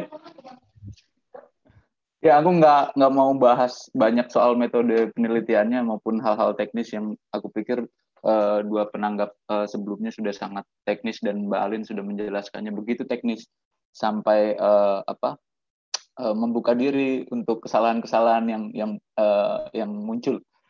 Uh, tetapi pada intinya dari sisi uh, jurnalis, saya melihat bahwa gen, uh, ekosida uh, di mata publik ya kalau tadi banyak uh, respondennya juga pemuda atau generasi Z, generasi milenial, ya masih menganggapnya ini ini ini masih sebatas masih ha, hanya terjadi di film-film gitu, di mana uh, apa ya virus di, di, dilemparkan dan dan Eh, hal-hal uh, semacam itu. Masih sebatas bahwa ekosida adalah uh, bahan apa sebuah kejahatan menggunakan bahan kimia untuk membunuh orang banyak dan lain sebagainya dan ternyata yang yang yang ber, uh, cukup berhasil diungkapkan dalam penelitian ini bahwa itu menyangkut banyak banyak hal dan itu sudah terjadi sejak lama gitu dan dan dan uh, penggunaan kata ekosida sendiri pun uh, sejak 1955 digunakan pada saat perang Amerika melawan uh, Vietnam ya 19.000 ton sekian bahan kimia yang di, dilepaskan dan itu bahkan berdampak tidak hanya pada kerusakan lingkungan tetapi juga perubahan genetika. Nah, itu itu artinya ekosida sudah terjadi tetapi belum diakui, tetapi belum di dipahami secara benar. Nah, aku dari sisi jurnalistik aku melihatnya bahwa ini ini persoalan tidak lagi sekedar bahwa oke okay, ada kerusakan lingkungan dan dan terjadi kejahatan lingkungan itu semata-mata hanya hanya terjadi karena uh, adanya kesalahpahaman atau kesadaran individu yang yang uh, kesadaran individu saja yang terbatas, tetapi juga ini uh, harus dipahami juga sebagai bentuk dari kebijakan yang salah kebijakan yang salah, lalu tindakan yang salah. Nah, apakah uh, hal itu sudah benar-benar uh, apa ya dipahami dan di, dilihat oleh publik? Nah, itu yang bisa jawab uh, teman-teman peneliti, teman-teman walhi dan kawan-kawan uh, yang yang membuat uh, uh, riset ini gitu. Tetapi aku melihatnya gini, persoalan kejahatan lingkungan orang semua banyak res, uh, sudah punya responnya masing-masing. Anak muda punya responnya masing-masing.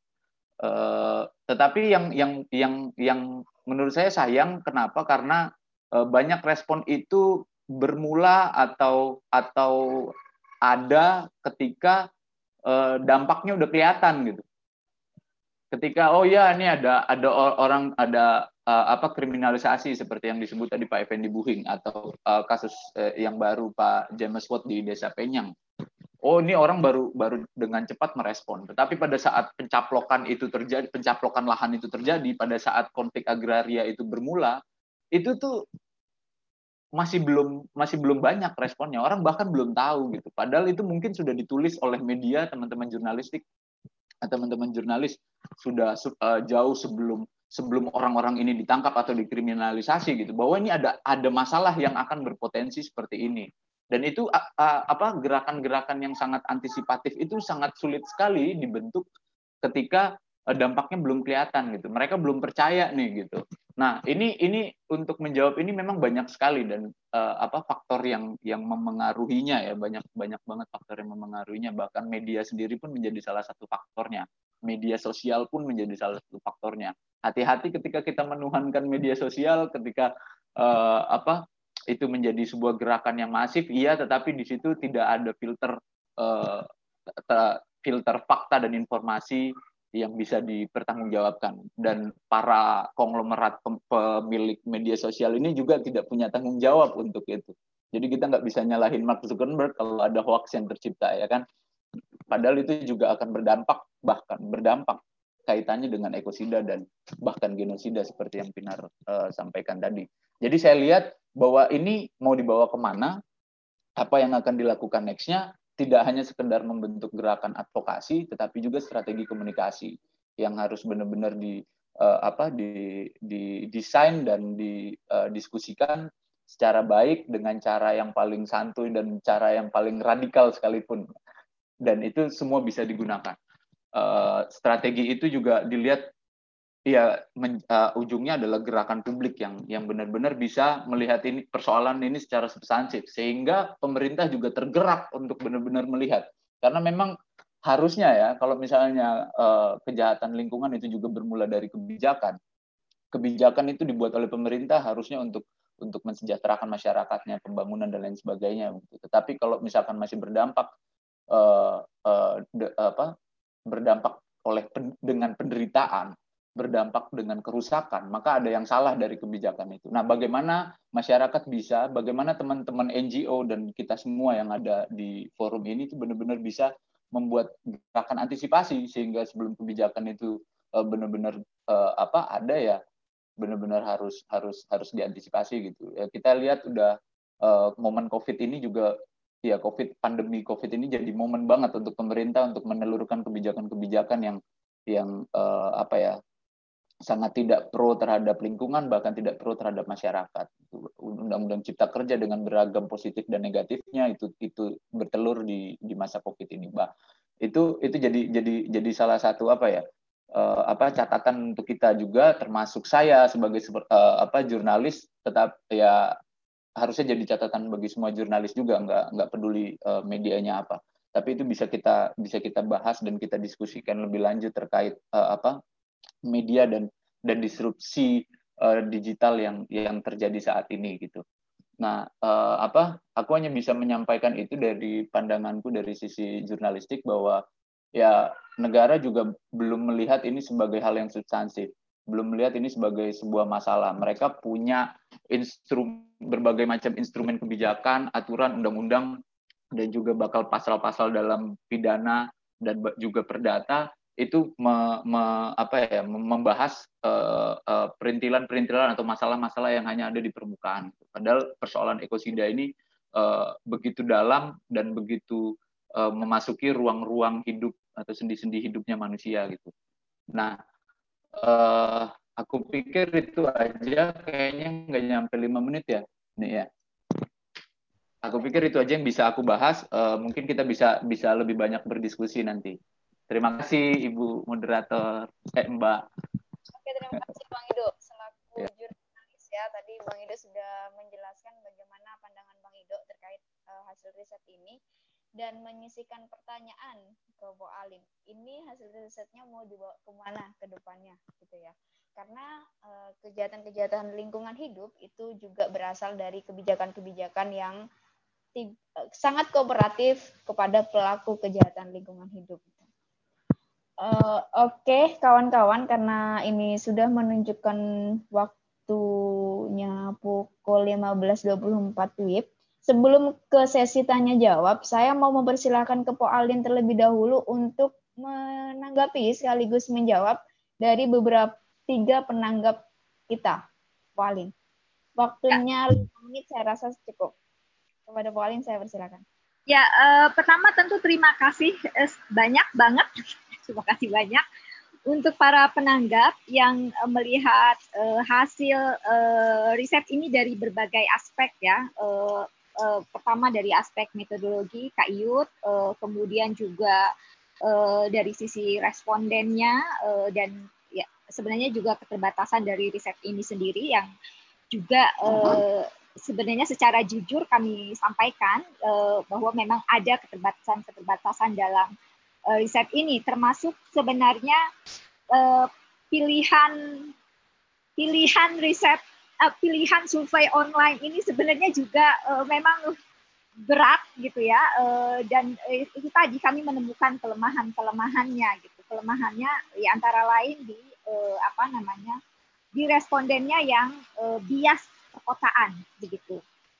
Meskipun kami mencoba untuk uh, melihat kan ada dua metode ya. Saya mau ngomongin metodologi dulu. Ada dua metodologi. Sebenarnya yang yang selain yang survei yang memang kami mau uh, apa namanya segmented dan proporsional uh, itu kenapa juga 36 Kalimantan Tengah Kayut jadi bukan karena anak kaltengnya anak wali kaltengnya malas-malas salah ya. Atau hanya cuma bisa menjangkau 36 tapi ada rumus jadi uh, segmented proporsional jadi kami gunakan data BPS di di Kalimantan Tengah itu ada berapa jumlah anak muda usia 16 sampai 25 tahun. Eh, nah, kemudian dibagi dan hasilnya eh, 36 orang gitu. Yang terbanyak adalah Jawa Timur. Populasi Jawa Timur sendiri cukup besar kan ya. Dan eh, apa populasi anak mudanya juga eh, besar. Jadi uh, angka 36 itu uh, dari situ. Tapi apa untuk yang proporsional itu bisa dipertanggungjawabkan secara metodologi. Nah, kalau ke depan kita mau mungkin Carlton mau bikin riset sendiri yang khusus itu bisa uh, bisa banget gitu ya dan uh, mungkin juga bisa kita pertajam dengan masukan-masukan yang disampaikan baik oleh Mbak oleh Kak Iut maupun oleh uh, Pinar ya. Nah, saya kira ini bisa memang harus dipertajam ya, terutama eh, bagaimana responden yang eh, dari rural. Nah, dari rural sendiri kami sebenarnya eh, mendapatkan mendapatkan apa namanya banyak eh, data informasi itu dari eh, perwakilan eh, Ibu Elda ya dari Kalimantan Tengah. Jadi ada dua perwakilan dari eh, ibu rumah tangga gitu. Nah, ini yang uh, sebenarnya uh, kami juga ingin uh, tahu bagaimana uh, persepsi dari ibu rumah tangga uh, dan kemudian dari key opinion leaders ya, termasuk tokoh agama dan seterusnya. Saya bergeser sebentar ya karena hujan di luar, jadi mungkin agak terdengar suara.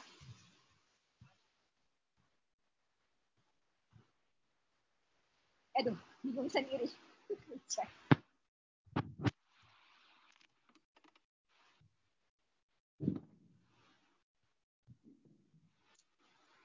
Oke. Um, nah, kelupaan catatannya.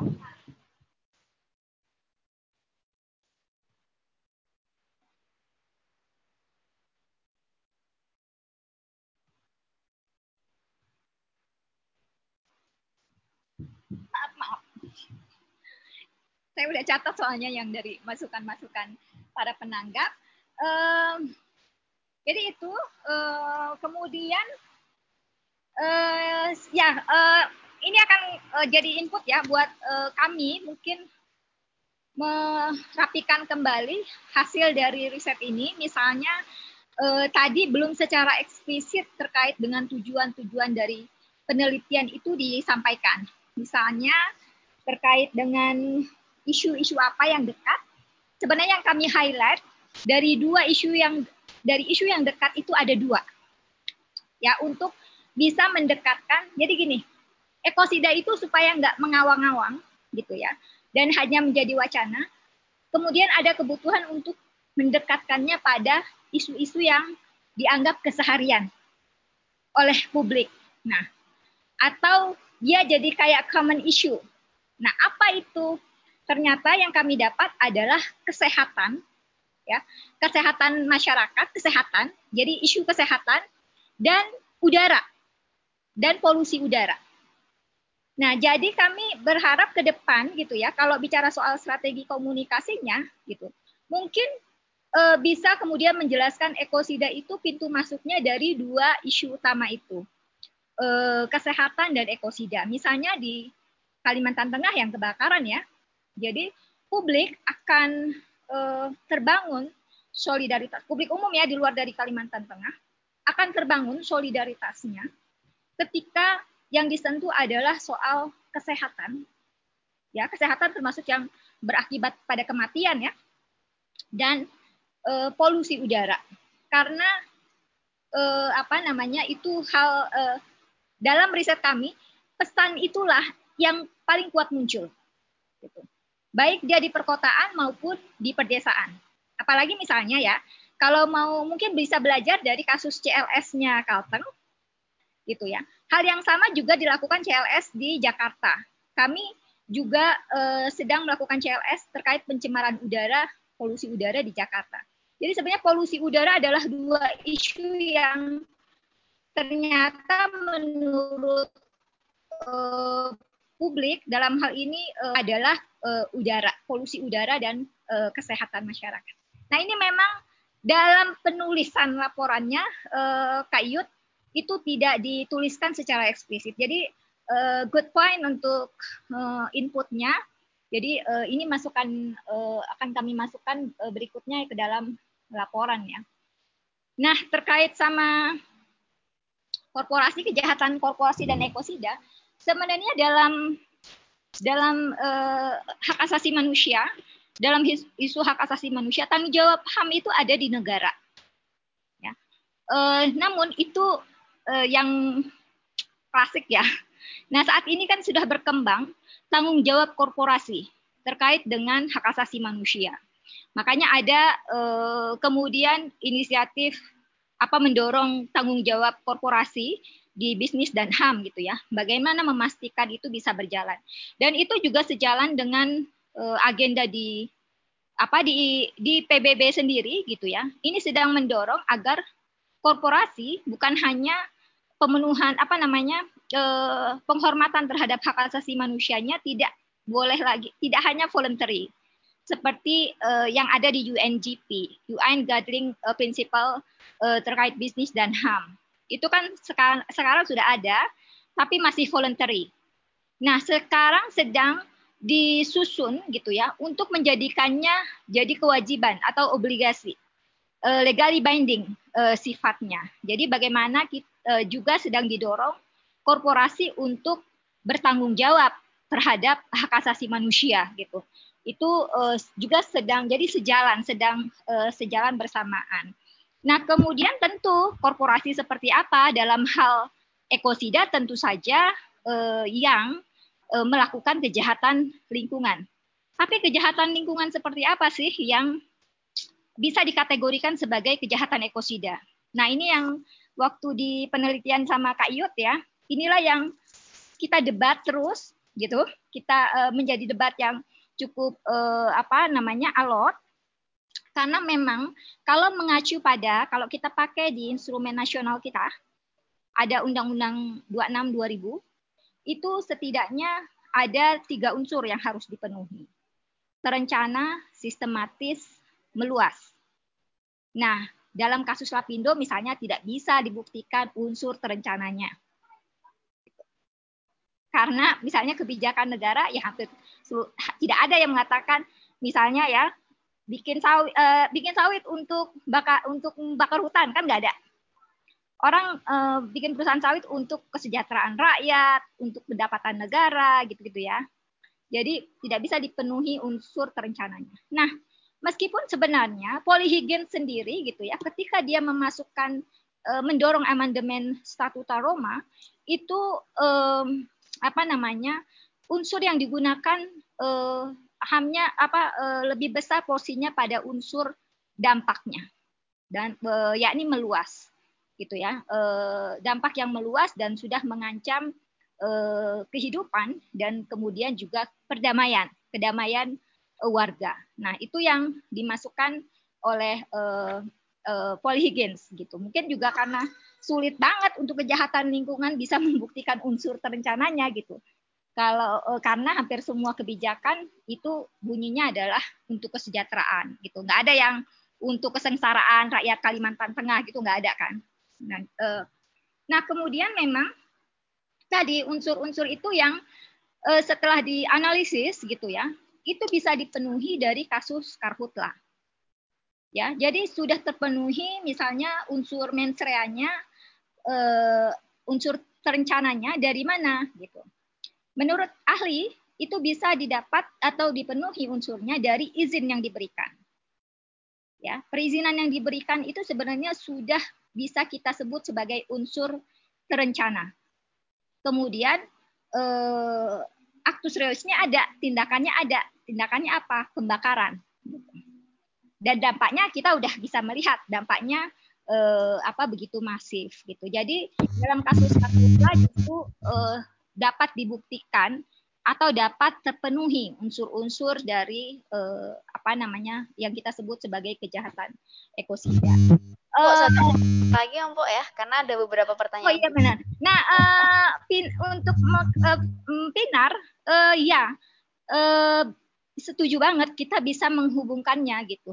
Dan bahkan genosida sendiri sudah lebih dahulu diakui ya sebagai kejahatan uh, apa namanya uh, internasional yang bisa di uh, disidangkan di ICC gitu. Uh, jadi dan uh, sebenarnya penghancuran lingkungan gitu ya, itu dampaknya bukan hanya bahkan sampai kematian ya atau uh, mengancam generasi yang akan datang, ya, tapi juga penghancuran sosial budaya dan ketika satu uh, hutan dirusak misalnya dihancurkan, kebudayaan hilang itu sebenarnya juga identitas hilang gitu.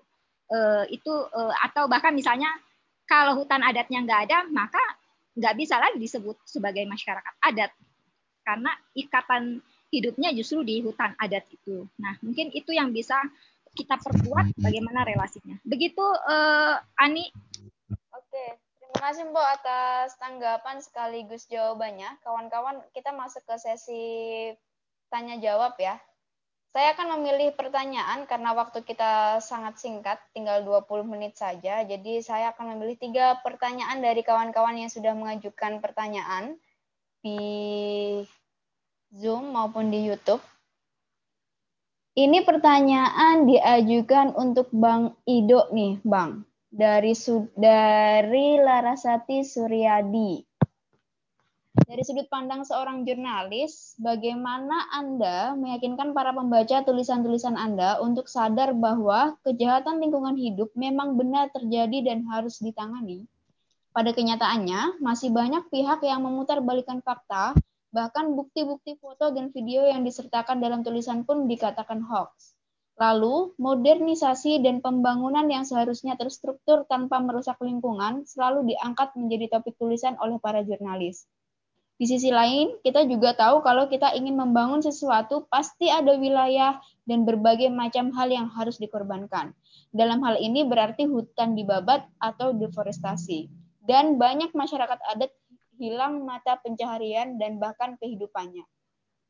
Menurut Bang Ido nih, bagaimana seorang jurnalis harus bersikap dengan dua kenyataan tersebut? Bang Ido, waktunya lima menit. Makasih ini.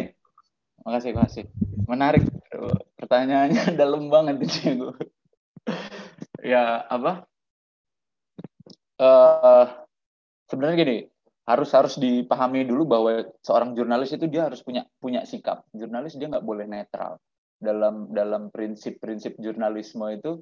Ini sudah saya pernah sampaikan berkali-kali bahwa uh, Bill Kovac dan Tom Rosenthal selalu menekankan bahwa sikap jurnalis itu voicing the voiceless. Jadi uh, jurnalis mana pun dengan latar belakang media mana pun itu tetap harus harus punya sikap sikapnya kepada mereka yang menderita, mereka yang termarginalkan, mereka yang selama ini menjadi dampak daripada kebijakan kebijakan kebijakan yang bodoh itu, kebijakan-kebijakan yang selama ini menjadi apa uh, uh, menimbulkan kerusakan-kerusakan lingkungan itu.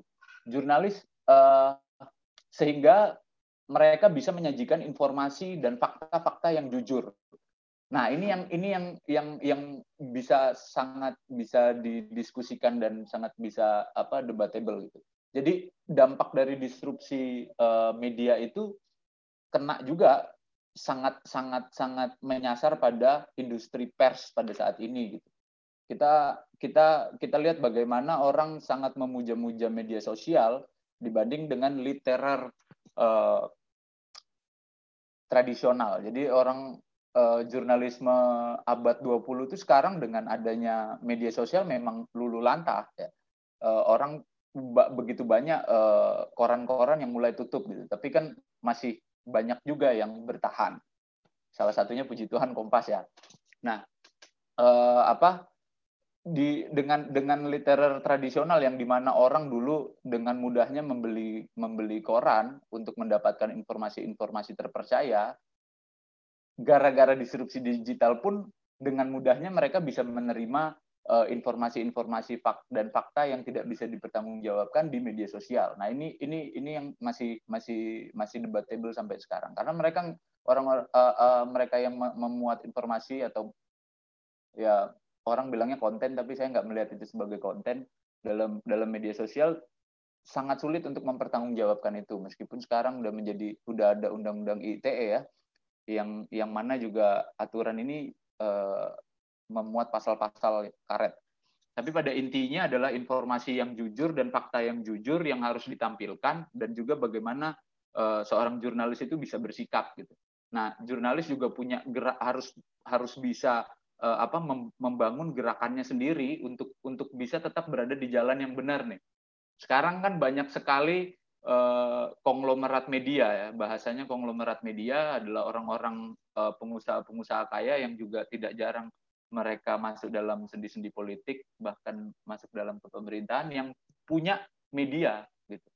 Yang kemudian medianya juga digunakan uh, untuk mengagitasi atau uh, apa menyebarkan propaganda-propaganda yang berdasarkan uh, kepentingannya mereka masing-masing gitu. Jadi kalau jurnalis nggak punya sikap maka uh, maka ya sulit gitu. Nah di saat-saat seperti ini nih, di saat-saat dengan lagi hancur-hancurnya orang uh, sulit sekali mendapatkan informasi yang yang yang tersaji seperti 20 atau 30 tahun lagi eh, lalu itu itu sebenarnya momen uh, jurnalis punya peran yang sangat penting untuk bisa uh, membawa uh, apa situasi seperti ini itu benar-benar menunjukkan yang benarnya gitu kebenarannya gitu loh. Meskipun jauh lebih dekat dengan kebenaran itu perannya ada di jurnalis. Jadi aku aku bisa menjawab uh, bisa menjawabnya seperti itu ya. Kalau dia tidak tidak punya sikap maka maka akan akan uh, apa akan sangat sulit gitu Makasih pertanyaannya. Oke, cukup Bang Ido? Iya, itu aja. Oke, terima kasih Bang Ido. Sekali lima menit. Uh, selanjutnya ini bisa dijawab oleh Kapinar sekaligus Mbak Iyut nih. Bagaimana dampak ekosida terhadap kehidupan sosial ekonomi dan politik orang Dayak di Kalimantan Tengah? Mbak Iyut bisa menjawab, nanti Kapinar bisa menambahkan. Waktunya lima menit juga, silahkan. Bagaimana dampak ekosida terhadap sistem ekonomi politik budaya orang Dayak di Kalimantan Tengah? Um, Oke, okay, terima kasih. Kalau mau dijawab semuanya sebenarnya untuk pertanyaan ini jawabannya sangat panjang, tapi saya akan coba singkat ya terkait dengan bagaimana dampak um, kejahatan lingkungan terutama ekosida terhadap politik, sosial dan ekonomi masyarakat Kalimantan Tengah.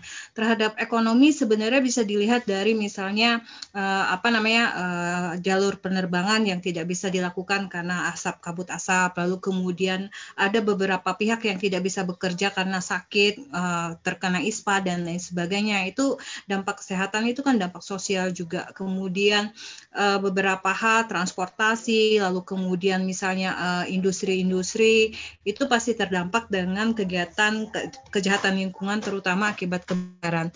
Lalu dampak terhadap sosial masyarakat misalnya uh, kaitannya dengan masyarakat adat gimana? akibat kebakaran besar tahun 2015 yang lalu, keluarlah kemudian peraturan gubernur yang melarang pembakaran lahan untuk proses perladangan. Nah, ini tentu saja dampaknya sangat besar kebijakan ini ya. Kebijakan ini dampaknya sangat besar karena apa? Ketika masyarakat adat tidak bisa melakukan perladangan lagi, ketahanan pangan mereka terganggu, lalu kemudian um, masyarakat adat itu kan identik dengan uh, proses beladang itu identik dengan uh, apa kegiatan-kegiatan uh, yang bermakna sakral lalu kemudian ada ritual dan sebagainya di situ justru juga menjadi uh, apa salah satu ben atau poin identitas masyarakat adat dalam proses berladang. Ketika mereka nggak boleh membakar, mereka otomatis tidak berladang. Secara identitas mereka juga akan akan dipertanyakan gitu soal keberadaan apa identitas masyarakat adatnya gitu. Belum lagi ketika kita kaitkan dengan ritual yang lain, kita kaitkan dengan misalnya kawasan-kawasan yang cenderung selama ini dilindungi oleh masyarakat kemudian terganggu, terbakar gitu. Itu itu dampaknya sangat panjang kalau saya pikir uh, dampak sosial ekonominya gitu. Jadi um, sebenarnya uh, apa namanya? Itu uh, bisa bisa tergambar dari situ gitu. Kalau menurut saya dampak kesehatan, dampak ekonomi bisa dilihat, bisa dihitung bahkan gitu loh. Akibat kebakaran hutan dan lahan, uh, berapa penerbangan yang terganggu, berapa misalnya jumlah uh, apa namanya uh, pengunjung pada uh, uh, apa uh, sebuah hotel atau restoran gitu ketika terjadi uh, kebakaran hutan dan lahan. Itu mungkin yang bisa bisa saya sampaikan, mungkin bisa ditambahkan oleh kawan-kawan yang lain lagi. Oke, terima kasih Mbak Ayut. Kapinar silakan menambahkan Kak. Ya, saya cuma sebenarnya secara garis besar tuh udah diterangkan oleh Kak Ayut tadi ya. Cuma secara umum saya mau bilang uh, karena saya juga mengalami waktu uh, kabut asap dan mungkin ini secara umum tidak hanya kabut asap kalau kita bicara tentang ekosida, termasuk deforestasi juga yang saat ini sedang terjadi di Kalimantan secara masif juga. Uh, hal yang paling sangat terlihat tuh adalah kita kehilangan ruang hidup dan juga mata pencaharian. Karena sebagai uh, masyarakat Dayak, kita nggak bisa lepas dari hutan. Hutan itu udah kayak supermarket hidup yang sampai kapan pun itu selalu melekat di orang-orang Dayak. Jadi dengan adanya ekosida itu pasti akan menghilangkan mata pencaharian masyarakat adat, orang-orang Dayak seperti kita. Dan terus juga ruang hidup semakin sempit, seperti yang saya bilang tadi bahwa ketika ada ekosida, ada genosida. Artinya ketika sumber daya sumber daya alam ini hancur, ruang hidup tidak ada, maka ada kepunahan juga di situ, kepunahan dari masyarakat adat itu sendiri. Jadi dampaknya ini besar sekali. Jadi kalau kita bilang sosial, ekonomi dan politik semua ada di situ. Ketika sudah ruang-ruang hidup hilang, uh, kemudian mata pencarian hilang, semua sektor itu pasti akan terdampak. Sektor ekonomi, politik dan juga uh, sosial. Dan artinya juga um, kalau kata Kak Yud bilang tadi itu sangat berdampak pada penerbangan pada tahun 2015. Artinya tidak akan ada aktivitas apa pun apabila semua sektor transportasi juga tidak ada di Kalimantan Tengah karena kejadian kabut asap sama halnya dengan deforestasi juga tidak akan ada aktivitas apa pun di dalam hutan oleh masyarakat adat karena hutannya tidak ada. Jadi ekosida artinya sama seperti genosida membunuh membunuh semua sektor juga gitu. Itu sih. Uh, mau cuma menambahkan sedikit. Terima kasih. Oke, cukup Kapina? Oke, terima kasih Kak Pinar. Pertanyaan terakhir ini untuk Po Alin. Tutup ya. Po Alin, dari Ibu Lois Teresia, dosen Fakultas Hukum Universitas Palangkaraya ini. Pertanyaannya, apakah urgensi penetapan ekosida sebagai kebijakan nasional untuk diatur atau ditetapkan dalam sebuah peraturan perundang-undangan. Apa urgensinya penetapan ekosida ini, Bu Alin? Terus yang kedua, ya. bagaimana kriteria korporasi yang melakukan ekosistem dal eh sorry, melakukan ekosida dalam kasus Kinipan? Apa kriterianya di kasus Kinipan itu? Silakan menit juga. Ya, uh, baik, terima kasih uh, Ibu Lois ya. Uh, jadi uh, apa urgensi uh, penetapan ekosida gitu uh, dalam norma hukum di Indonesia setidaknya ya. Buat kami itu sangat penting. Kenapa? Karena kita sudah tahu uh, praktik kejahatan uh, lingkungan hidup dan uh, yang terutama dilakukan oleh korporasi dengan dukungan negara dalam hal ini itu um, dampaknya sudah begitu masif, praktek kejahatannya begitu secara terbuka dilakukan gitu ya uh, kemudian dampaknya juga sudah sangat masif bahkan uh, berujung pada kematian gitu ya. Uh, Kompas dengan sangat baik pernah menulis asap dan generasi yang akan hilang di di apa dalam kabut asap gitu itu salah satu artikel uh, Kompas gitu ya dan juga kita terancam generasi ke depan uh, itu akan terancam dengan uh, apa namanya dengan semua praktik uh, kejahatan uh, lingkungan yang dilakukan oleh korporasi dengan dukungan negara. Dan uh, apa namanya uh, kami sudah me, meyakini bahwa uh, kejahatan lagi uh, kejahatan biasa yang kemudian penerapan hukumnya lewat misalnya sanksi administrasi saja gitu ya uh, atau uh, lain-lainnya. Tapi dia kejahatan luar biasa extraordinary crimes gitu. Dan kami berharap sebenarnya penjahat lingkungan ini gitu ya sudah melakukan uh, kejahatan ekosida ini bisa diadili di sidang uh, di pengadilan HAM gitu Nah, sebenarnya ada Undang-Undang 26 tahun 2000 tentang pengadilan HAM, ya. E, tapi memang dalam Undang-Undang 26 ini belum mem, e, belum mengakui atau belum mengakomodasi ekosida sebagai bentuk pelanggaran berat HAM. Jadi baru dua yang diakui di sana, yaitu kejahatan genosida dan e, kejahatan kemanusiaan gitu ya. Uh, dan kita tahu juga misalnya untuk kasus uh, apa uh, pelanggaran berat HAM masa lalu sampai sekarang kan nggak bisa juga. Tapi dorongan kami emang memasukkan ini gitu urgensinya dan uh, apa uh, karena itu tadi karena uh, prakteknya sudah uh, begitu masif, kejahatannya sudah begitu masif dan dampaknya sudah begitu uh, sangat uh, berat dialami oleh terutama masyarakat uh, uh, apa masyarakat yang menjadi korban. Nah, uh, kemudian uh, kalau kasus kinipan, nah ini yang sebenarnya uh, karena kan ini sebuah diskursus ya yang harus kita uji tadi, uh, yang ini yang jadi perdebatan kita gitu ya. Uh, harus kita uji apakah sebuah kasus itu itu bisa kita masukkan uh, sebagai kategori kejahatan uh, ekosida. Nah, apa unsur-unsur yang harus dipenuhi? Kalau mengacunya pakai uh, norma hukum norma yang ada ya uh, di Undang-Undang 26. Itu antara lain uh, sebenarnya untuk melihatnya ada tiga setidaknya. Terencana, sistematis, dan berdampak luas. Nah, untuk kasus kini, kini PAN, Apakah sudah memenuhi tiga unsur itu? Kalau sudah memenuhi tiga unsur itu, artinya kita bisa mengatakan bahwa ini adalah pelanggaran berat HAM atau kejahatan ekosida. Nah, mari sama-sama kita eh, apa namanya? Hmm, saya mengajak kita semua untuk mungkin mulai menganalisis lebih jauh sebagai pelanggaran HAM tentu ya, gitu ya. Tapi sebagai pelanggaran berat HAM atau pelanggaran HAM berat, ini ada eh, tadi unsur-unsur yang setidaknya harus dipenuhi. Meskipun tadi kalau kita mau mengacu sama polyhiggins ya, polyhiggins itu dia yang porsi kuatnya adalah unsurnya adalah di dampak. Bukan tindakan terencananya.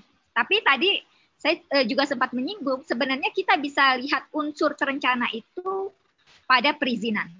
Jadi kalau kita sudah yakin bahwa terpenuhi semua unsur-unsur itu, kita bisa mengatakan itu sebagai kejahatan ekosida. Praktek penghancuran terhadap hutan adat kinipan adalah praktek e, kejahatan ekosida karena memenuhi unsur e, terencana, sistematis dan dampaknya yang meluas. Tadi bahkan akan mengancam e, apa masyarakat e, tadi ya si Pinar itu sudah menghubungkannya dengan uh, kejahatan genosida. Gitu. Masyarakat adat Kinipan akan punah kalau hutan adat Kinipannya dihancurkan.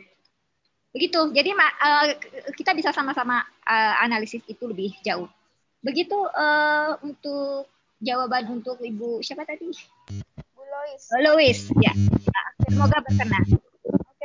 Kasih Mpok dan seluruh penanggap yang telah menjawab beberapa pertanyaan dari kawan-kawan yang telah mengikuti kegiatan webinar launching hasil riset ini dari di Zoom maupun via YouTube. Teman-teman kita sudah selesai di sesi tanya jawab. Uh, selanjutnya saya mau memberikan kesempatan satu menit kepada Poalin, Bayut, Kapinar maupun Bang Ido untuk closing statement satu menit per orang. Bisa dimulai dari Mbak Alin dulu. Silakan, Mbak. Ya, eh, terima kasih eh, Ani, terima kasih para penanggap dan eh, partisipan yang hadir. Eh, banyak sekali uh, input konstruktif yang uh, saya dapat dari sesi ini gitu ya. Dan tentu ini akan semakin menyempurnakan uh, riset kita. Uh, yang dan terutama yang terpenting adalah riset ini kan sebenarnya uh, punya tujuan. Dan riset ini adalah bagian dari ikhtiarnya Walhi untuk uh, bisa memastikan terlindunginya hak warga negara dari serangan uh, dari serangan pihak ketiga dalam hal ini korporasi yang difasilitasi oleh negara yang berdampak pada pelanggaran hak asasi manusia. Dan bahkan bukan hanya pelanggaran hak asasi manusia tapi juga lingkungan hidup itu sendiri juga punya hak begitu. Nah, kami berharap sebenarnya e, ini e, akan terus diperluas. Jadi wacana kejahatan ekosida dan korporasi tidak hanya ada di kepala saya, Kak Iut, eh, Dio, Pinar, teman-teman Walhi Kalimantan Tengah, aktivis eh, HAM gitu, tapi juga publik yang lebih luas. Katanya Kak, Kak Walhi punya pelajar pernah punya pengalaman.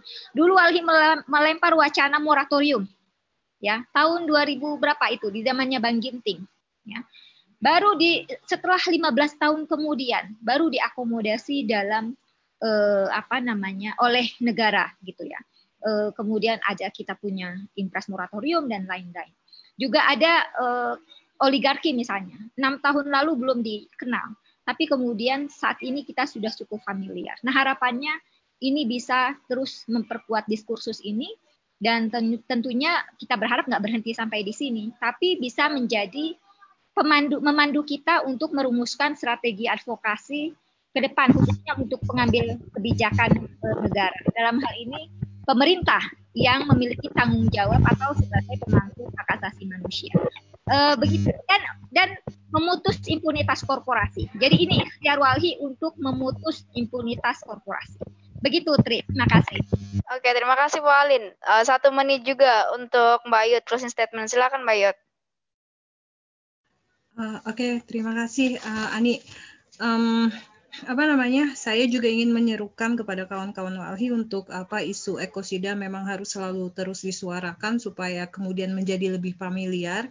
Dan saya juga mendukung upaya untuk uh, ekosida bisa didorong uh, menjadi kebijakan publik ya yang bisa diakomodir dalam undang-undang karena ada isu bahwa undang-undang 26 tentang apa um, uh, HAM itu akan direvisi. Jadi siapa tahu uh, ada peluang untuk kemudian juga uh, ekosida bisa menjadi bagian dalam unsur yang bisa dimasukkan dalam Undang-Undang 26 dengan versi yang baru gitu.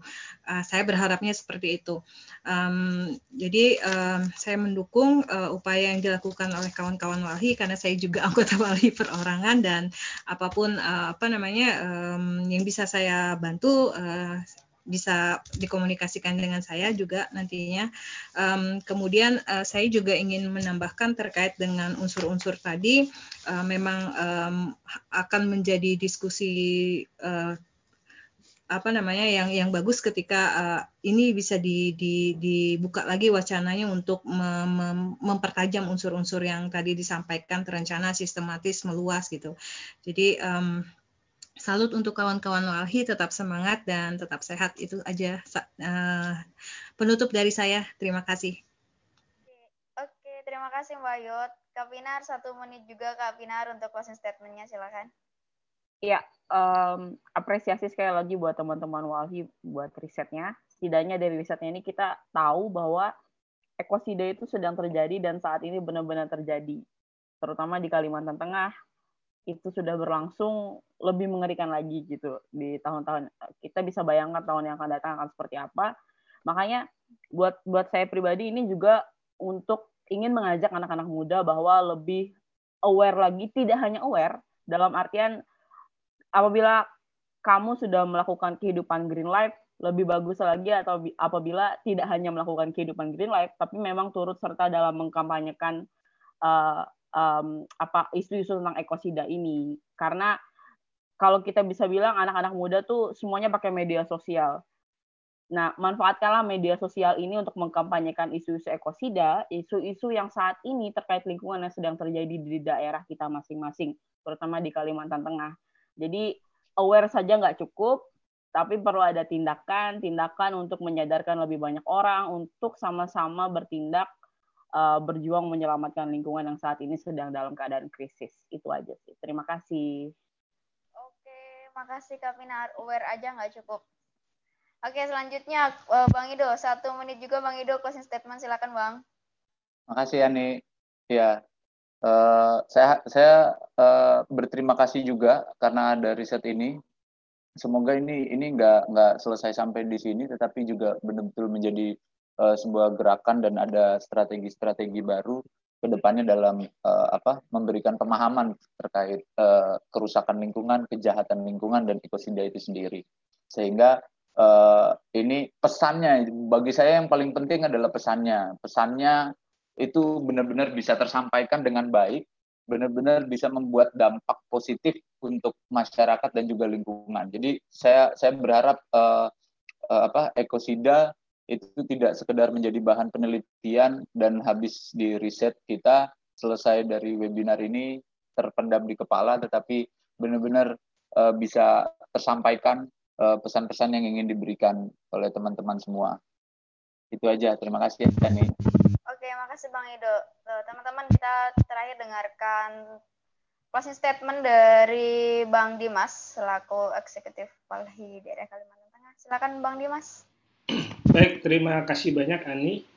Yang kami lihat adalah meskipun ini masih proses temuan awal dan perlu dan tentunya perlu pendalaman pendalaman lebih jauh lagi apakah pengetahuan yang didapat sudah sampai pada pengetahuan kejahatan ekosida yang komprehensif, seperti unsur-unsur yang dapat dikategorikan, sebagai sebuah kejahatan lingkungan hidup. Namun, publik saat ini memang sudah mengetahui dan mengenal kata ekosida maupun ecocide sebagai sebuah diskursus baru, dan temuan ini dapat memberikan sebuah gambaran bagaimana upaya yang harus dilakukan untuk memastikan agar wacana kejahatan lingkungan hidup sebagai pelanggaran berat HAM dan harapannya ke depan ini bukan hanya sekedar wacana dan bisa uh, menjadi kekuatan bersama untuk mendorong masuknya kejahatan ekosida sebagai pelanggaran berat HAM dalam instrumen hukum di Indonesia dan instrumen HAM di Indonesia. Terima kasih. Mungkin itu dari saya. Oke, terima kasih Bang Dimas. Eh, kawan-kawan, kita sudah masuk ke penghujung acara. Sudah dua jam kita mengikuti proses uh, webinar launching virtual hasil riset Walhi dengan tema kejahatan lingkungan hidup atau ekosida di mata publik. Dari awal hingga akhirnya kegiatan webinar ini, saya selaku moderator mohon maaf apabila ada kata-kata atau tindakan yang tidak berkenan di hati kawan-kawan tim riset, kawan-kawan penanggap, kawan-kawan Walhi Kalteng maupun kawan-kawan peserta yang mengikuti kegiatan ini via Zoom maupun live YouTube di kanal Walhi Kalteng. Untuk itu, saya pamit undur diri. Terima kasih kawan-kawan. Saya kembalikan ke host. Selamat sore. Sore. Terima kasih Ani. Um, sebelumnya, kawan-kawan panelis bersama moderator, baik itu narasumber dan moderator bisa membuka videonya karena kita akan foto bersama. Oke. Silahkan dibuka. Kak Kiki mau ikut foto nggak? Saya oke. Okay. Agak diturunkan itu layarnya. Oke, siap. Oh ya, ada Janang. Oke, kita foto 3 2 1. Sekali lagi 3 2 1. Baik. Sudah. Eh. Terima kasih. Terima kasih moderator. Uh, kita telah sampai pada penghujung webinar launching virtual hasil riset Walhi, kejahatan lingkungan hidup, ekosida di mata publik. Terima kasih bagi para panelis dan moderator, terima kasih bagi para peserta yang telah berpartisipasi, terima kasih bagi sahabat Walhi yang menyaksikan siaran langsung melalui YouTube channel kami. Walhi Kalimantan Tengah. Seperti biasa, siaran ulang diskusi kita hari ini dapat kalian saksikan kembali di kanal YouTube Walhi Kalimantan Tengah.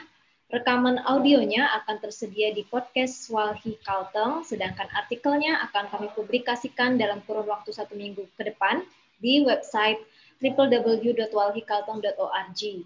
E-book buku Ecosite, Memutus Impunitas Korporasi dan Laporan Riset Walhi Kejahatan Lingkungan Hidup atau Ekosida di Mata Publik bisa Anda download melalui website di kolom galeri buku secara gratis.